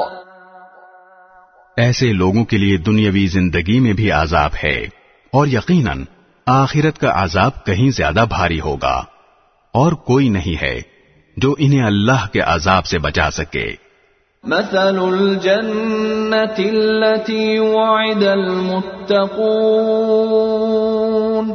تجري من تحتها الأنهار أكلها دائم وظلها۔ تلك عقبى الذين اتقوا وعقبى الكافرين النار۔ دوسری طرف وہ جنت جس کا متقی لوگوں سے وعدہ کیا گیا ہے، اس کا حال یہ ہے کہ اس کے نیچے نہریں بہتی ہیں، اس کے پھل بھی سدا بہار ہیں، اور اس کی چھاؤں بھی۔ یہ انجام ہے ان لوگوں کا جنہوں نے تقوی اختیار کیا، جبکہ کافروں کا انجام دوزخ کی آگ ہے۔ والذین آتیناہم الكتاب يفرحون بما انزل الیک ومن الاحزاب من ينکر بعضا قل انما امرت ان اعبد الله ولا اشرك به إليه أدعو وإليه مآب. اور اے پیغمبر، جن لوگوں کو ہم نے کتاب دی ہے، وہ اس کلام سے خوش ہوتے ہیں جو تم پر نازل کیا گیا ہے، اور انہی گروہوں میں وہ بھی ہیں جو اس کی بعض باتوں کو ماننے سے انکار کرتے ہیں۔ کہہ دو کہ مجھے تو یہ حکم دیا گیا ہے کہ میں اللہ کی عبادت کروں اور اس کے ساتھ کسی کو خدائی میں شریک نہ مانوں۔ اسی بات کی میں دعوت دیتا ہوں اور اسی اللہ کی طرف مجھے لوٹ کر جانا ہے۔ وكذلك أنزلناه حكما عربيا ولئن اتبعت أهواءهم بعدما جاءك من العلم ما لك من الله من ولي ولا واق. اور اسی طرح ہم نے اس قرآن کو عربی زبان میں ایک حکم نامہ بنا کر نازل کیا ہے۔ اور اے پیغمبر، تمہارے پاس جو علم آ چکا ہے، اگر اس کے بعد بھی تم ان لوگوں کی خواہشات کے پیچھے چلے، تو اللہ کے مقابلے میں نہ تمہارا کوئی مددگار ہوگا، نہ کوئی بچانے والا۔ وَلَقَدْ أَرْسَلْنَا رُسُلًا مِّن قَبْلِكَ وَجَعَلْنَا لَهُمْ أَزْوَاجًا وَذُرِّيَّةً وما كان لرسول أن يأتي بآية إلا بإذن الله لكل أجل كتاب حقیقت یہ ہے کہ ہم نے تم سے پہلے بھی بہت سے رسول بھیجے ہیں اور انہیں بیوی بچے بھی عطا فرمائے ہیں اور کسی رسول کو یہ اختیار نہیں تھا کہ وہ کوئی ایک آیت بھی اللہ کے حکم کے بغیر لا سکے۔ ہر زمانے کے لیے الگ کتاب دی گئی ہے۔ يمحو الله ما يشاء ويثبت وعنده أم الكتاب اللہ جس حکم کو چاہتا ہے منسوخ کر دیتا ہے اور جس کو چاہتا ہے باقی رکھتا ہے اور تمام کتابوں کی جو اصل ہے وہ اسی کے پاس ہے۔ وَإِمَّا نُرِيَنَّكَ بَعْضَ الَّذِي نَعِدُهُمْ أَوْ نَتَوَفَّيَنَّكَ فَإِنَّمَا عَلَيْكَ الْبَلَاغُ وَعَلَيْنَا الْحِسَابُ۔ اور جس بات کی دھمکی ہم ان کافروں کو دیتے ہیں۔ چاہے اس کا کوئی حصہ ہم تمہیں تمہاری زندگی ہی میں دکھا دیں یا اس سے پہلے ہی تمہیں دنیا سے اٹھا لیں۔ بہرحال، تمہارے ذمے تو صرف پیغام پہنچا دینا ہے اور حساب لینے کی ذمہ داری ہماری ہے۔ أَوَلَمْ يَرَوْا أَنَّا نَأْتِي الْأَرْضَ نَنقُصُهَا مِنْ أَطْرَافِهَا وَاللَّهُ يَحْكُمُ لَا مُعَقِّبَ لِحُكْمِهِ وَهُوَ سَرِيعُ الْحِسَابِ کیا ان لوگوں کو یہ حقیقت نظر نہیں آئی کہ ہم ان کی زمین کو چاروں طرف سے گھٹاتے چلے آ رہے ہیں؟ ہر حکم اللہ دیتا ہے۔ کوئی نہیں ہے جو اس کے حکم کو توڑ سکے اور وہ جلد حساب لینے والا ہے۔ وَقَدْ مَكَرَ الَّذِينَ مِن قَبْلِهِمْ فَلِلَّهِ الْمَكْرُ جَمِيعًا يَعْلَمُ مَا تَكْسِبُ كُلُّ نَفْسٍ وَسَيَعْلَمُ الْكُفَّارُ لِمَنْ عُقْبَ الدَّارِ۔ جو لوگ ان سے پہلے گزرے ہیں چالیں انہوں نے بھی چلی تھیں۔ لیکن چال تو تمام تر اللہ ہی کی چلتی ہے۔ کوئی بھی شخص جو کچھ کرتا ہے، سب اسے معلوم ہے۔ اور کافروں کو ان قریب پتہ لگ جائے گا کہ اصلی وطن کا نیک انجام کس کے حصے میں آتا ہے۔ وَيَقُولُ الَّذِينَ كَفَرُوا لَسْتَ مُرْسَلًا۔ قُلْ كَفَى بِاللَّهِ شَهِيدًا بَيْنِي وَبَيْنَكُمْ وَمَنْ عِندَهُ عِلْمُ الْكِتَابِ اور جن لوگوں نے کفر اپنا لیا ہے، وہ کہتے ہیں کہ تم پیغمبر نہیں ہو۔ کہہ دو کہ میرے اور تمہارے درمیان گواہی کے لیے اللہ کافی ہے۔ نیز ہر وہ شخص جس کے پاس کتاب کا علم ہے۔ بسم اللہ الرحمن الرحیم۔ شروع اللہ کے نام سے جو سب پر مہربان ہے بہت مہربان ہے۔ الف لام۔ كتاب أنزلناه إليك لتخرج الناس من الظلمات إلى النور بإذن ربهم إلى صراط العزيز الحميد. ألف لام را. اے پیغمبر یہ ایک کتاب ہے جو ہم نے تم پر نازل کی ہے تاکہ تم لوگوں کو ان کے پروردگار کے حکم سے اندھیروں سے نکال کر روشنی میں لے آؤ یعنی اس ذات کے راستے کی طرف جس کا اقتدار سب پر غالب ہے اور جو ہر تعریف کا مستحق ہے۔ الله الذي له ما في السماوات وما في الأرض وويل للكافرين من عذاب شديد وہ اللہ کے آسمانوں اور زمین میں جو کچھ ہے، اسی کی ملکیت ہے۔ اور افسوس ہے ان لوگوں پر جو حق کا انکار کرتے ہیں، کیونکہ انہیں سخت عذاب ہونے والا ہے۔ الذين يستحبون الحياة الدنيا على الآخرة ويصدون عن سبيل الله ويبغونها عوجا. أولئك في ضلال بعيد وہ لوگ جو آخرت کے مقابلے میں دنیا کی زندگی کو پسند کرتے ہیں اور دوسروں کو اللہ کے راستے پر آنے سے روکتے ہیں اور اس میں ٹیڑھ تلاش کرتے رہتے ہیں وہ پرلے درجے کی گمراہی میں مبتلا ہیں۔ وما أرسلنا من رسول إلا بلسان قومه ليبين لهم فيضل الله من يشاء ويهدي من يشاء وهو العزيز الحكيم اور ہم نے جب بھی کوئی رسول بھیجا خود اس کی قوم کی زبان میں بھیجا۔ تاکہ وہ ان کے سامنے حق کو اچھی طرح واضح کر سکے۔ پھر اللہ جس کو چاہتا ہے، گمراہ کر دیتا ہے، اور جس کو چاہتا ہے، ہدایت دے دیتا ہے۔ اور وہی ہے جس کا اقتدار بھی کامل ہے، جس کی حکمت بھی کامل۔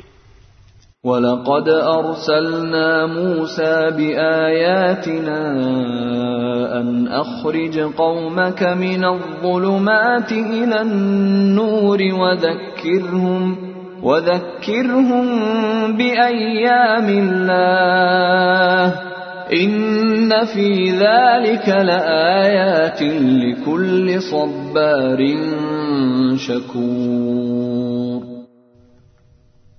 اور ہم نے موسا کو اپنی نشانیاں دے کر بھیجا کہ اپنی قوم کو اندھیروں سے نکال کر روشنی میں لاؤ۔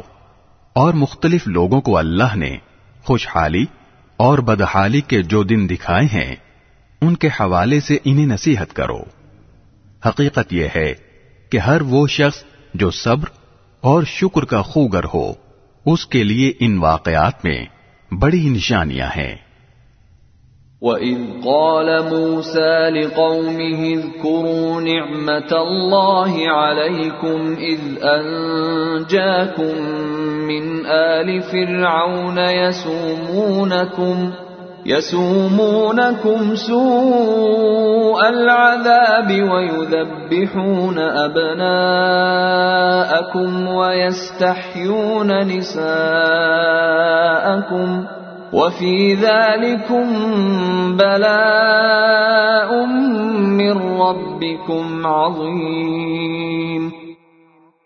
وہ وقت یاد کرو، جب موسا نے اپنی قوم سے کہا تھا کہ اللہ نے تم پر جو انعام کیا ہے، اسے یاد رکھو کہ اس نے تمہیں فرعون کے لوگوں سے نجات دی، جو تمہیں بدترین تکلیفیں پہنچاتے تھے اور تمہارے بیٹوں کو ذبح کر ڈالتے۔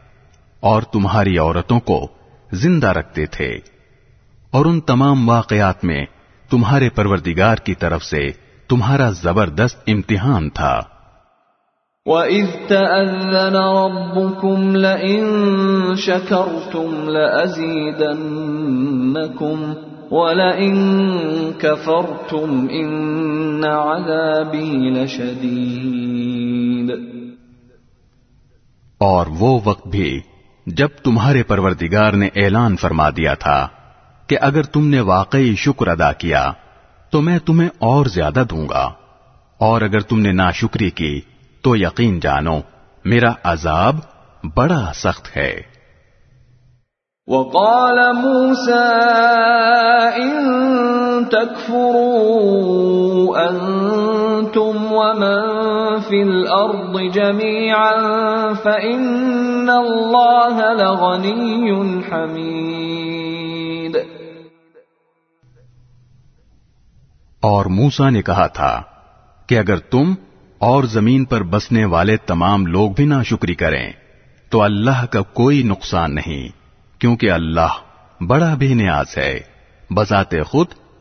قابل تعریف ألم يأتكم نبأ الذين من قبلكم قوم نوح وعاد وثمود والذين من بعدهم لا يعلمهم إلا الله جاء جاءتهم رسلهم بالبينات فردوا أيديهم في أفواههم وقالوا وقالوا إنا كفرنا بما أرسلتم به وإنا لفي شك مما تدعوننا إليه مريب. اے کفار مکہ کیا تمہیں ان لوگوں کی خبر نہیں پہنچی جو تم سے پہلے گزر چکے ہیں؟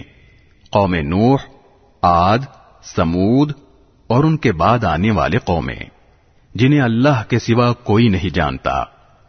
ان سب کے پاس ان کے رسول کھلے کھلے دلائل لے کر آئے، تو انہوں نے ان کے منہ پر اپنے ہاتھ رکھ دیے اور کہا کہ جو پیغام تمہیں دے کر بھیجا گیا ہے، ہم اس کو ماننے سے انکار کرتے ہیں۔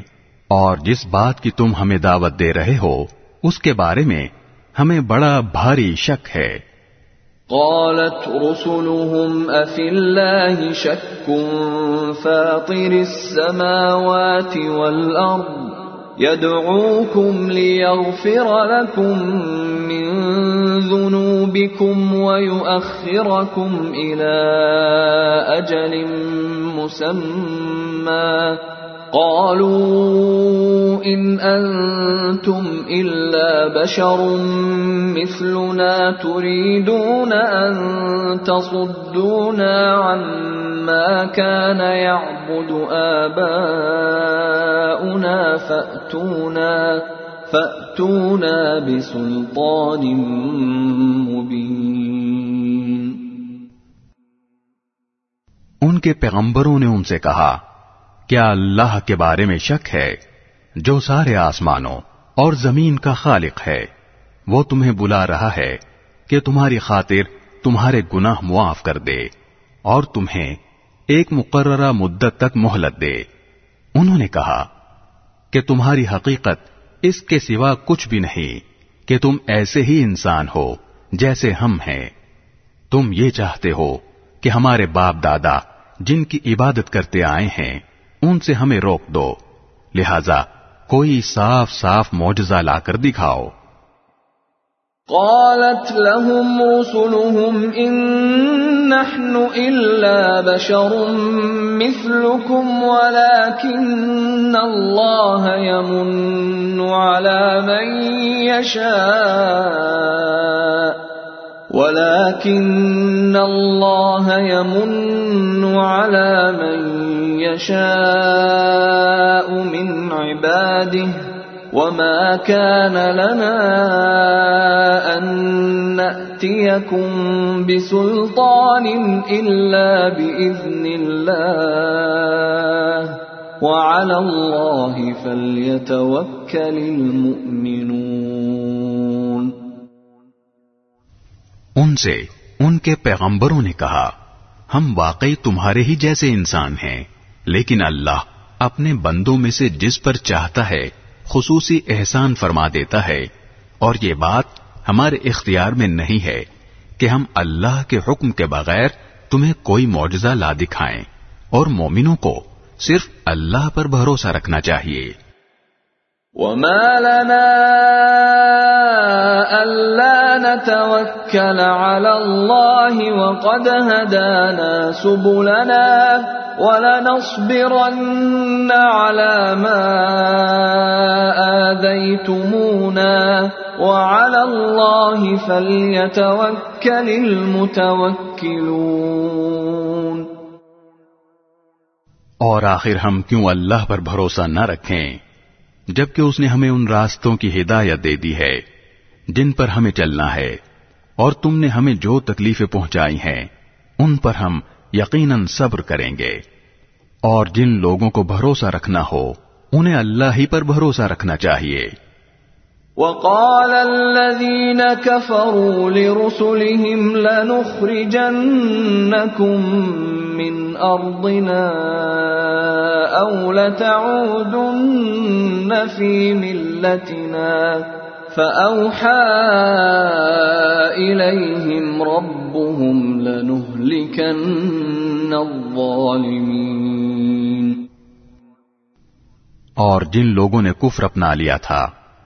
انہوں نے اپنے پیغمبروں سے کہا کہ ہم تمہیں اپنی سرزمین سے نکال کر رہیں گے، ورنہ تمہیں ہمارے دین میں واپس آنا پڑے گا۔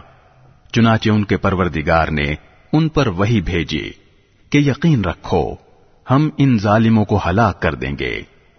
وَلَنُسْكِنَنَّكُمُ الْأَرْضَ مِن بَعْدِهِمْ ذَلِكَ لِمَنْ خَافَ مَقَامِي وَخَافَ وَعِيدِ اور ان کے بعد یقیناً تمہیں زمین میں بسائیں گے۔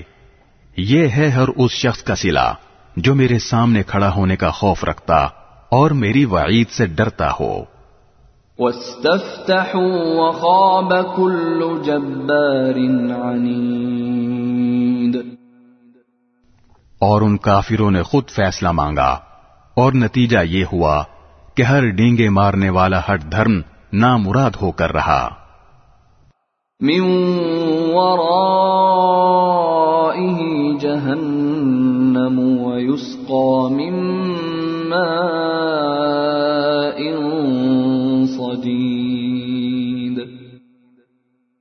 اس کے آگے جہنم ہے اور وہاں اسے پیپ کا پانی پلایا جائے گا۔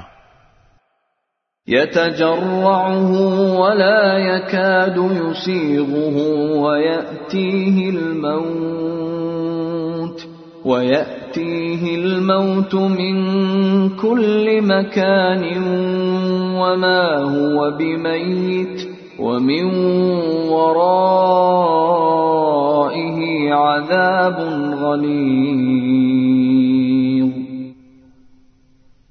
وہ اسے گھونٹ گھونٹ کر کے پیے گا اور اسے ایسا محسوس ہوگا کہ وہ اسے حلق سے اتار نہیں سکے گا۔ موت اس پر ہر طرف سے آ رہی ہوگی، مگر وہ مرے گا نہیں۔ اور اس کے آگے ہمیشہ ایک اور سخت عذاب موجود ہوگا۔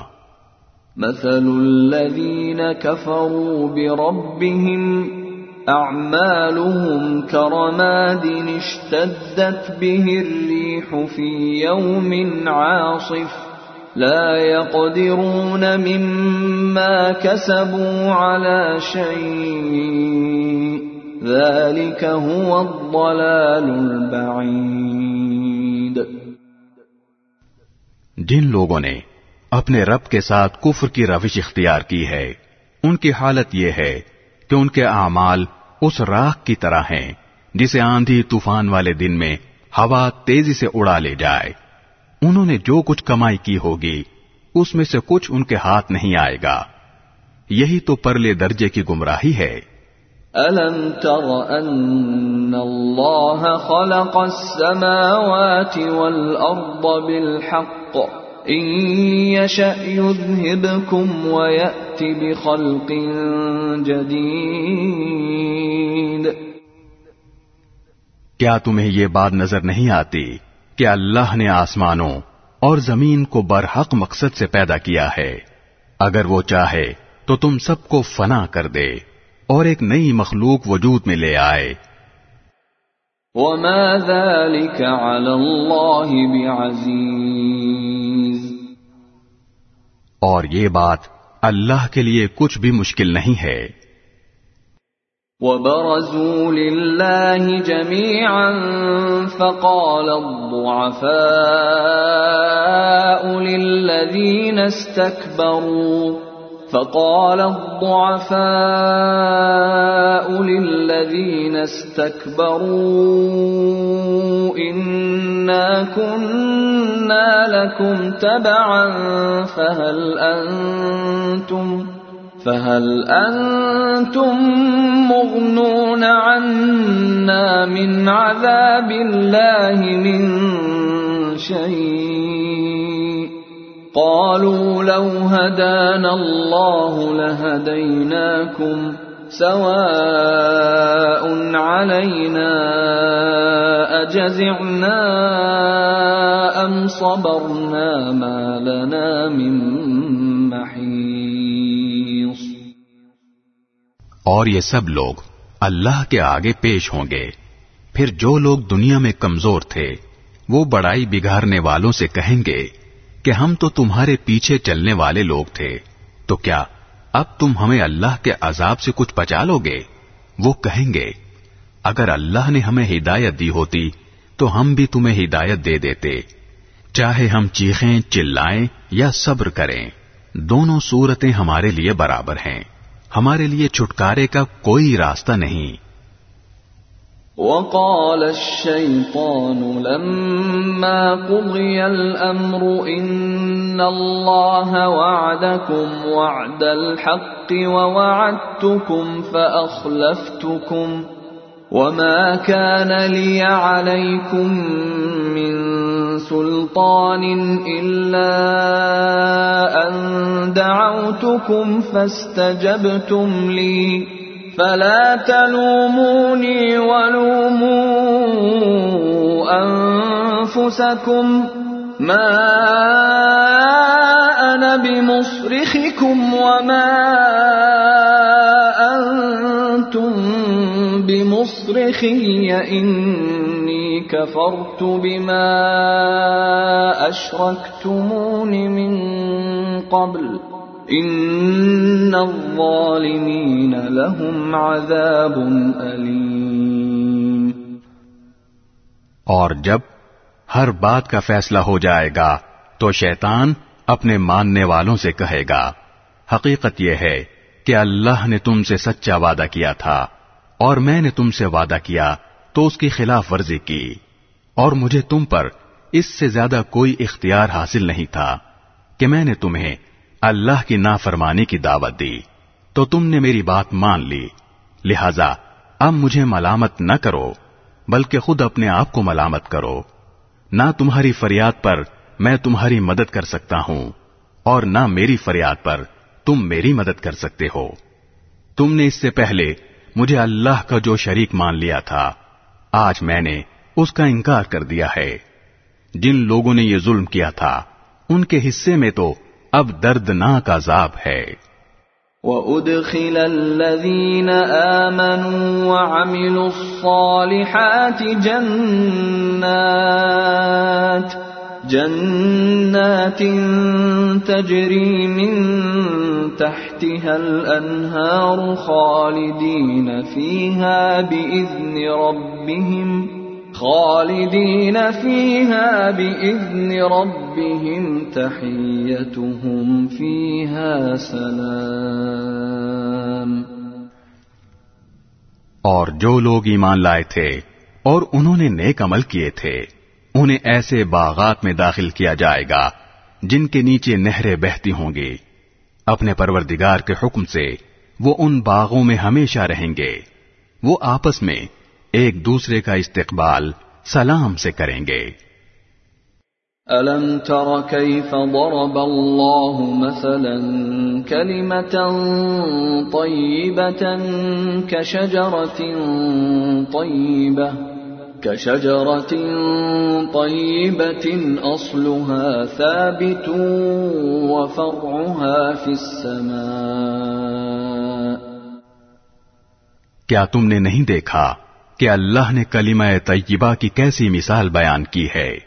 وہ ایک پاکیزہ درخت کی طرح ہے، جس کی جڑ زمین میں مضبوطی سے جمی ہوئی ہے اور اس کی شاخیں آسمان میں ہیں۔ تؤتي أكلها كل حين بإذن ربها۔ ويضرب الله الأمثال للناس لعلهم يتذكرون. اپنے رب کے حکم سے وہ ہر آن پھل دیتا ہے۔ اللہ اس قسم کی مثالیں اس لیے دیتا ہے تاکہ لوگ نصیحت حاصل کریں۔ ومثل كلمة خبيثة كشجرة خبيثة اجتثت من فوق الأرض اجتثت من فوق الأرض ما لها من قرار.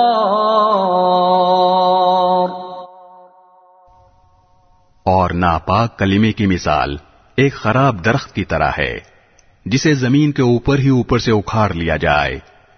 اس میں ذرا بھی جماؤ نہ ہو يثبت الله الذين آمنوا بالقول الثابت في الحياة الدنيا وفي الآخرة ويضل الله الظالمين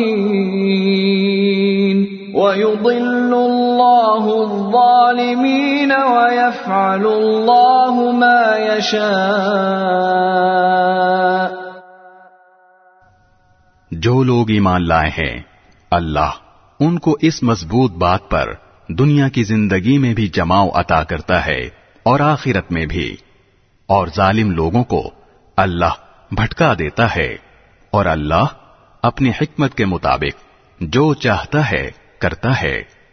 ألم تر إلى الذين بدلوا نعمة الله كفرا وأحلوا قومهم دار البوار کیا تم نے ان لوگوں کو نہیں دیکھا جنہوں نے اللہ کی نعمت کو کفر سے بدل ڈالا اور اپنی قوم کو تباہی کے گھر میں لا اتارا؟ جهنم يصلونها جهنم يصلونها وبئس القرار.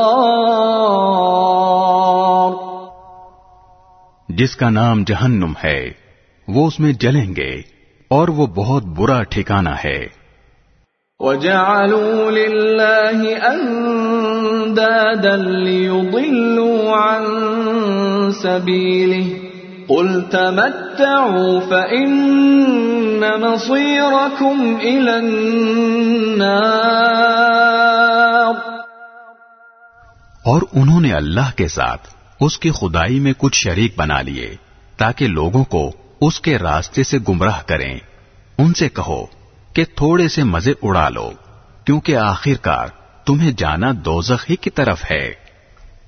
قل لعبادي الذين آمنوا يقيموا الصلاة وينفقوا وينفقوا مما رزقناهم سرا وعلانية من قبل أن يأتي يوم من قبل أن يأتي يوم لا بيع فيه ولا خلال.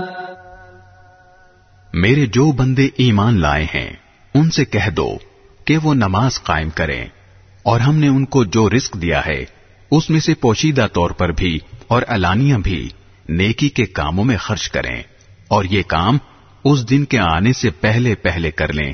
جس میں نہ کوئی خرید و فروخت ہوگی نہ کوئی دوستی کام آئے گی۔ الله الذي خلق السماوات والأرض وأنزل من السماء ماء فأخرج به فأخرج به من الثمرات رزقا لكم ۖ وسخر لكم الفلك لتجري في البحر بأمره وسخر لكم الأنهار اللہ وہ ہے جس نے آسمانوں اور زمین کو پیدا کیا اور آسمان سے پانی برسایا، پھر اس کے ذریعے تمہارے رزق کے لیے پھل اگائے اور کشتیوں کو تمہارے لیے رام کر دیا، تاکہ وہ اس کے حکم سے سمندر میں چلیں اور دریاؤں کو بھی تمہاری خدمت پر لگا دیا۔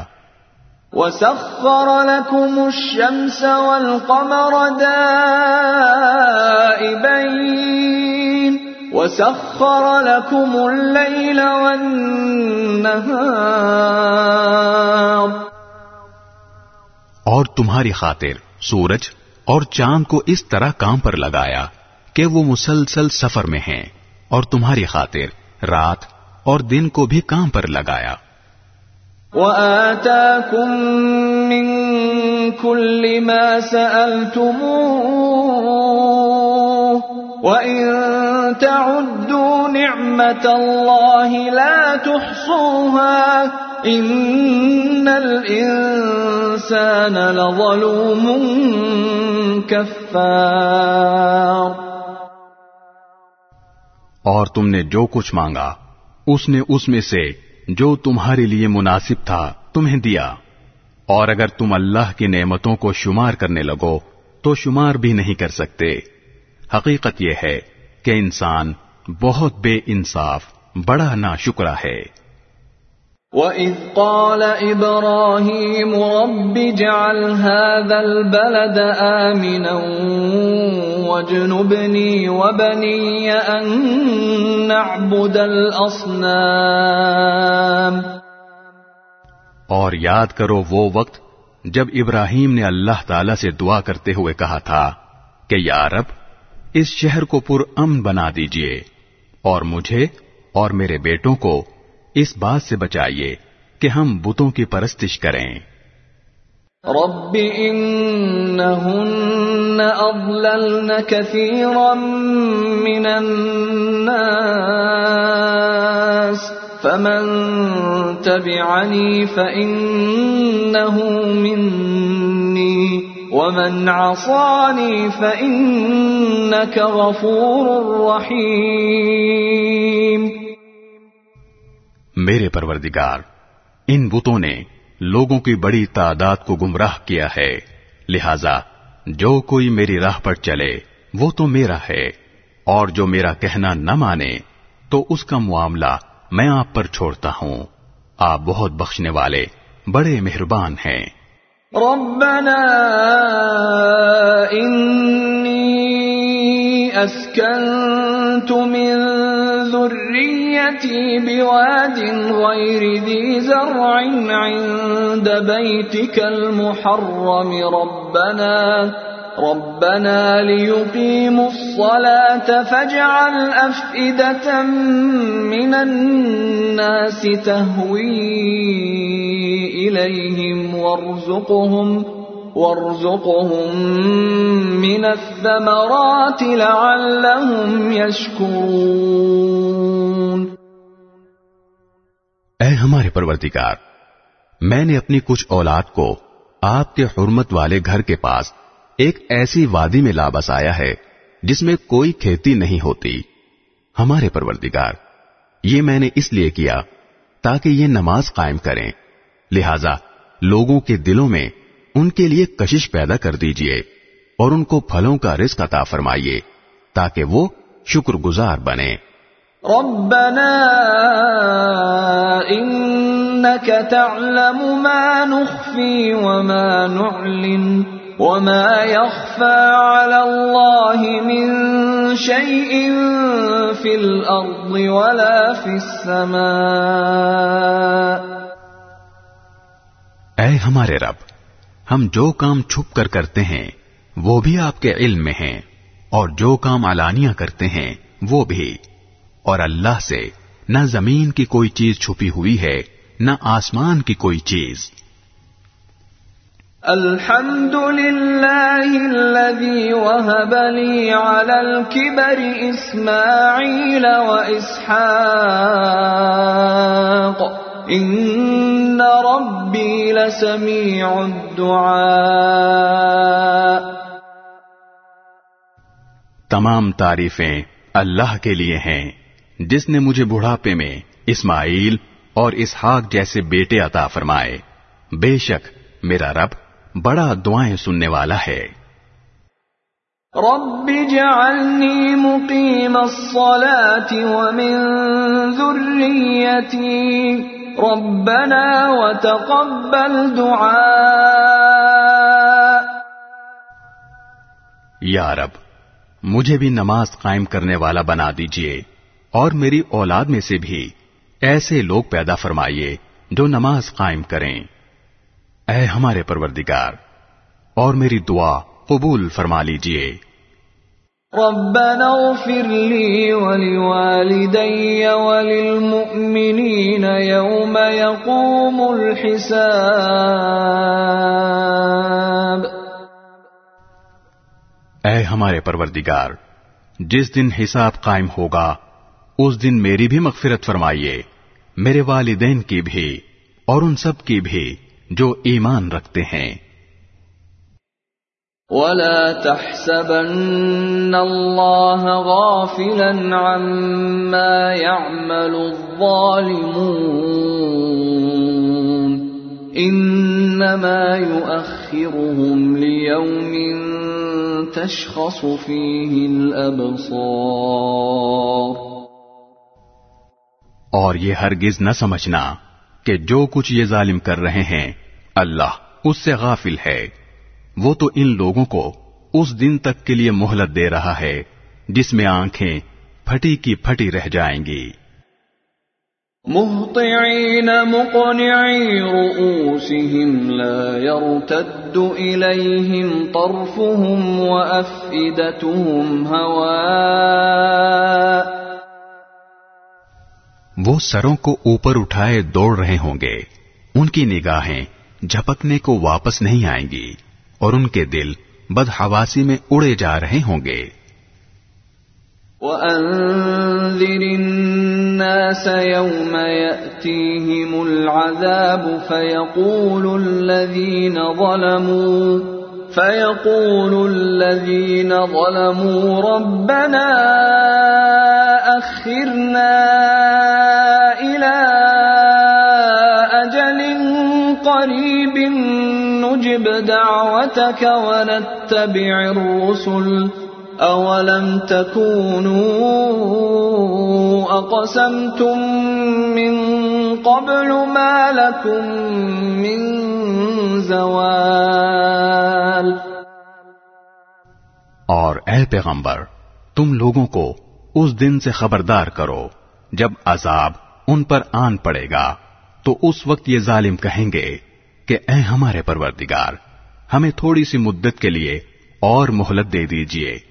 تاکہ ہم آپ کی دعوت قبول کر لیں اور پیغمبروں کی پیروی کریں۔ اس وقت ان سے کہا جائے گا کہ ارے کیا تم لوگوں نے قسمیں کھا کھا کر پہلے یہ نہیں کہا تھا کہ تم پر کوئی زوال نہیں آ سکتا۔ وسكنتم في مساكن الذين ظلموا أنفسهم وتبين لكم وتبين لكم كيف فعلنا بهم وضربنا لكم الأمثال.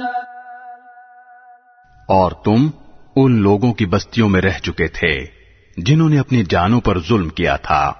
اور یہ بات کھل کر تمہارے سامنے آ چکی تھی کہ ہم نے ان کے ساتھ کیسا سلوک کیا۔ اور ہم نے تمہیں مثالیں بھی دی تھیں۔ وقد مكروا مكرهم وعند الله مكرهم وعند الله مكرهم وإن كان مكرهم لتزول منه الجبال. اور وہ لوگ اپنی ساری چالیں چل چکے تھے اور ان کی ساری چالوں کا توڑ اللہ کے پاس تھا، چاہے ان کی چالیں ایسی کیوں نہ ہوں جن سے پہاڑ بھی اپنی جگہ سے ہل جائیں۔ فلا تحسبن الله مخلف وعده رسله ان الله عزيز ذو انتقام۔ لہذا اللہ کے بارے میں ہرگز یہ خیال بھی دل میں نہ لانا۔ کہ اس نے اپنے پیغمبروں سے جو وعدہ کر رکھا ہے، اس کی خلاف ورزی کرے گا۔ یقین رکھو کہ اللہ اپنے اقتدار میں سب پر غالب ہے اور انتقام لینے والا ہے۔ يوم تبدل الأرض غير الأرض والسماوات وبرزوا لله الواحد القهار اس دن جب یہ زمین ایک دوسری زمین سے بدل دی جائے گی اور آسمان بھی بدل جائیں گے اور سب کے سب خدا واحد و قہار کے سامنے پیش ہوں گے۔ وترى المجرمين يومئذ مقرنين في الأصفاد۔ اور اس دن تم مجرموں کو اس حالت میں دیکھو گے کہ وہ زنجیروں میں جکڑے ہوئے ہوں گے۔ سرابيلهم من قطران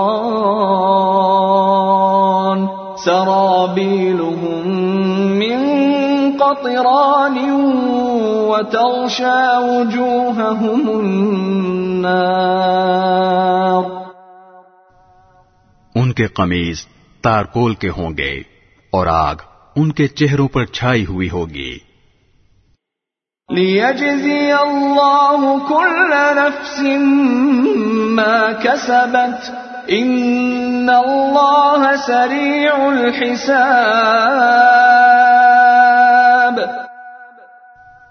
تاکہ اللہ ہر شخص کو اس کے کیے کا بدلہ دے. یقیناً اللہ جلد حساب چکانے والا ہے. هذا بلاغ للناس ولينذروا به وليعلموا وليعلموا أنما هو إله واحد وليذكر أولو الألباب. یہ تمام لوگوں کے لیے ایک پیغام ہے۔ اور اس لیے دیا جا رہا ہے تاکہ انہیں اس کے ذریعے خبردار کیا جائے اور تاکہ وہ جان لیں کہ معبود برحق بس ایک ہی ہے اور تاکہ سمجھ رکھنے والے نصیحت حاصل کر لیں۔ بسم اللہ الرحمن الرحیم۔ شروع اللہ کے نام سے جو سب پر مہربان ہے بہت مہربان ہے۔ الف لام را. تلك آیات الكتاب وقرآن مبین الف لام را. یہ اللہ کی کتاب اور روشن قرآن کی آیتیں ہیں۔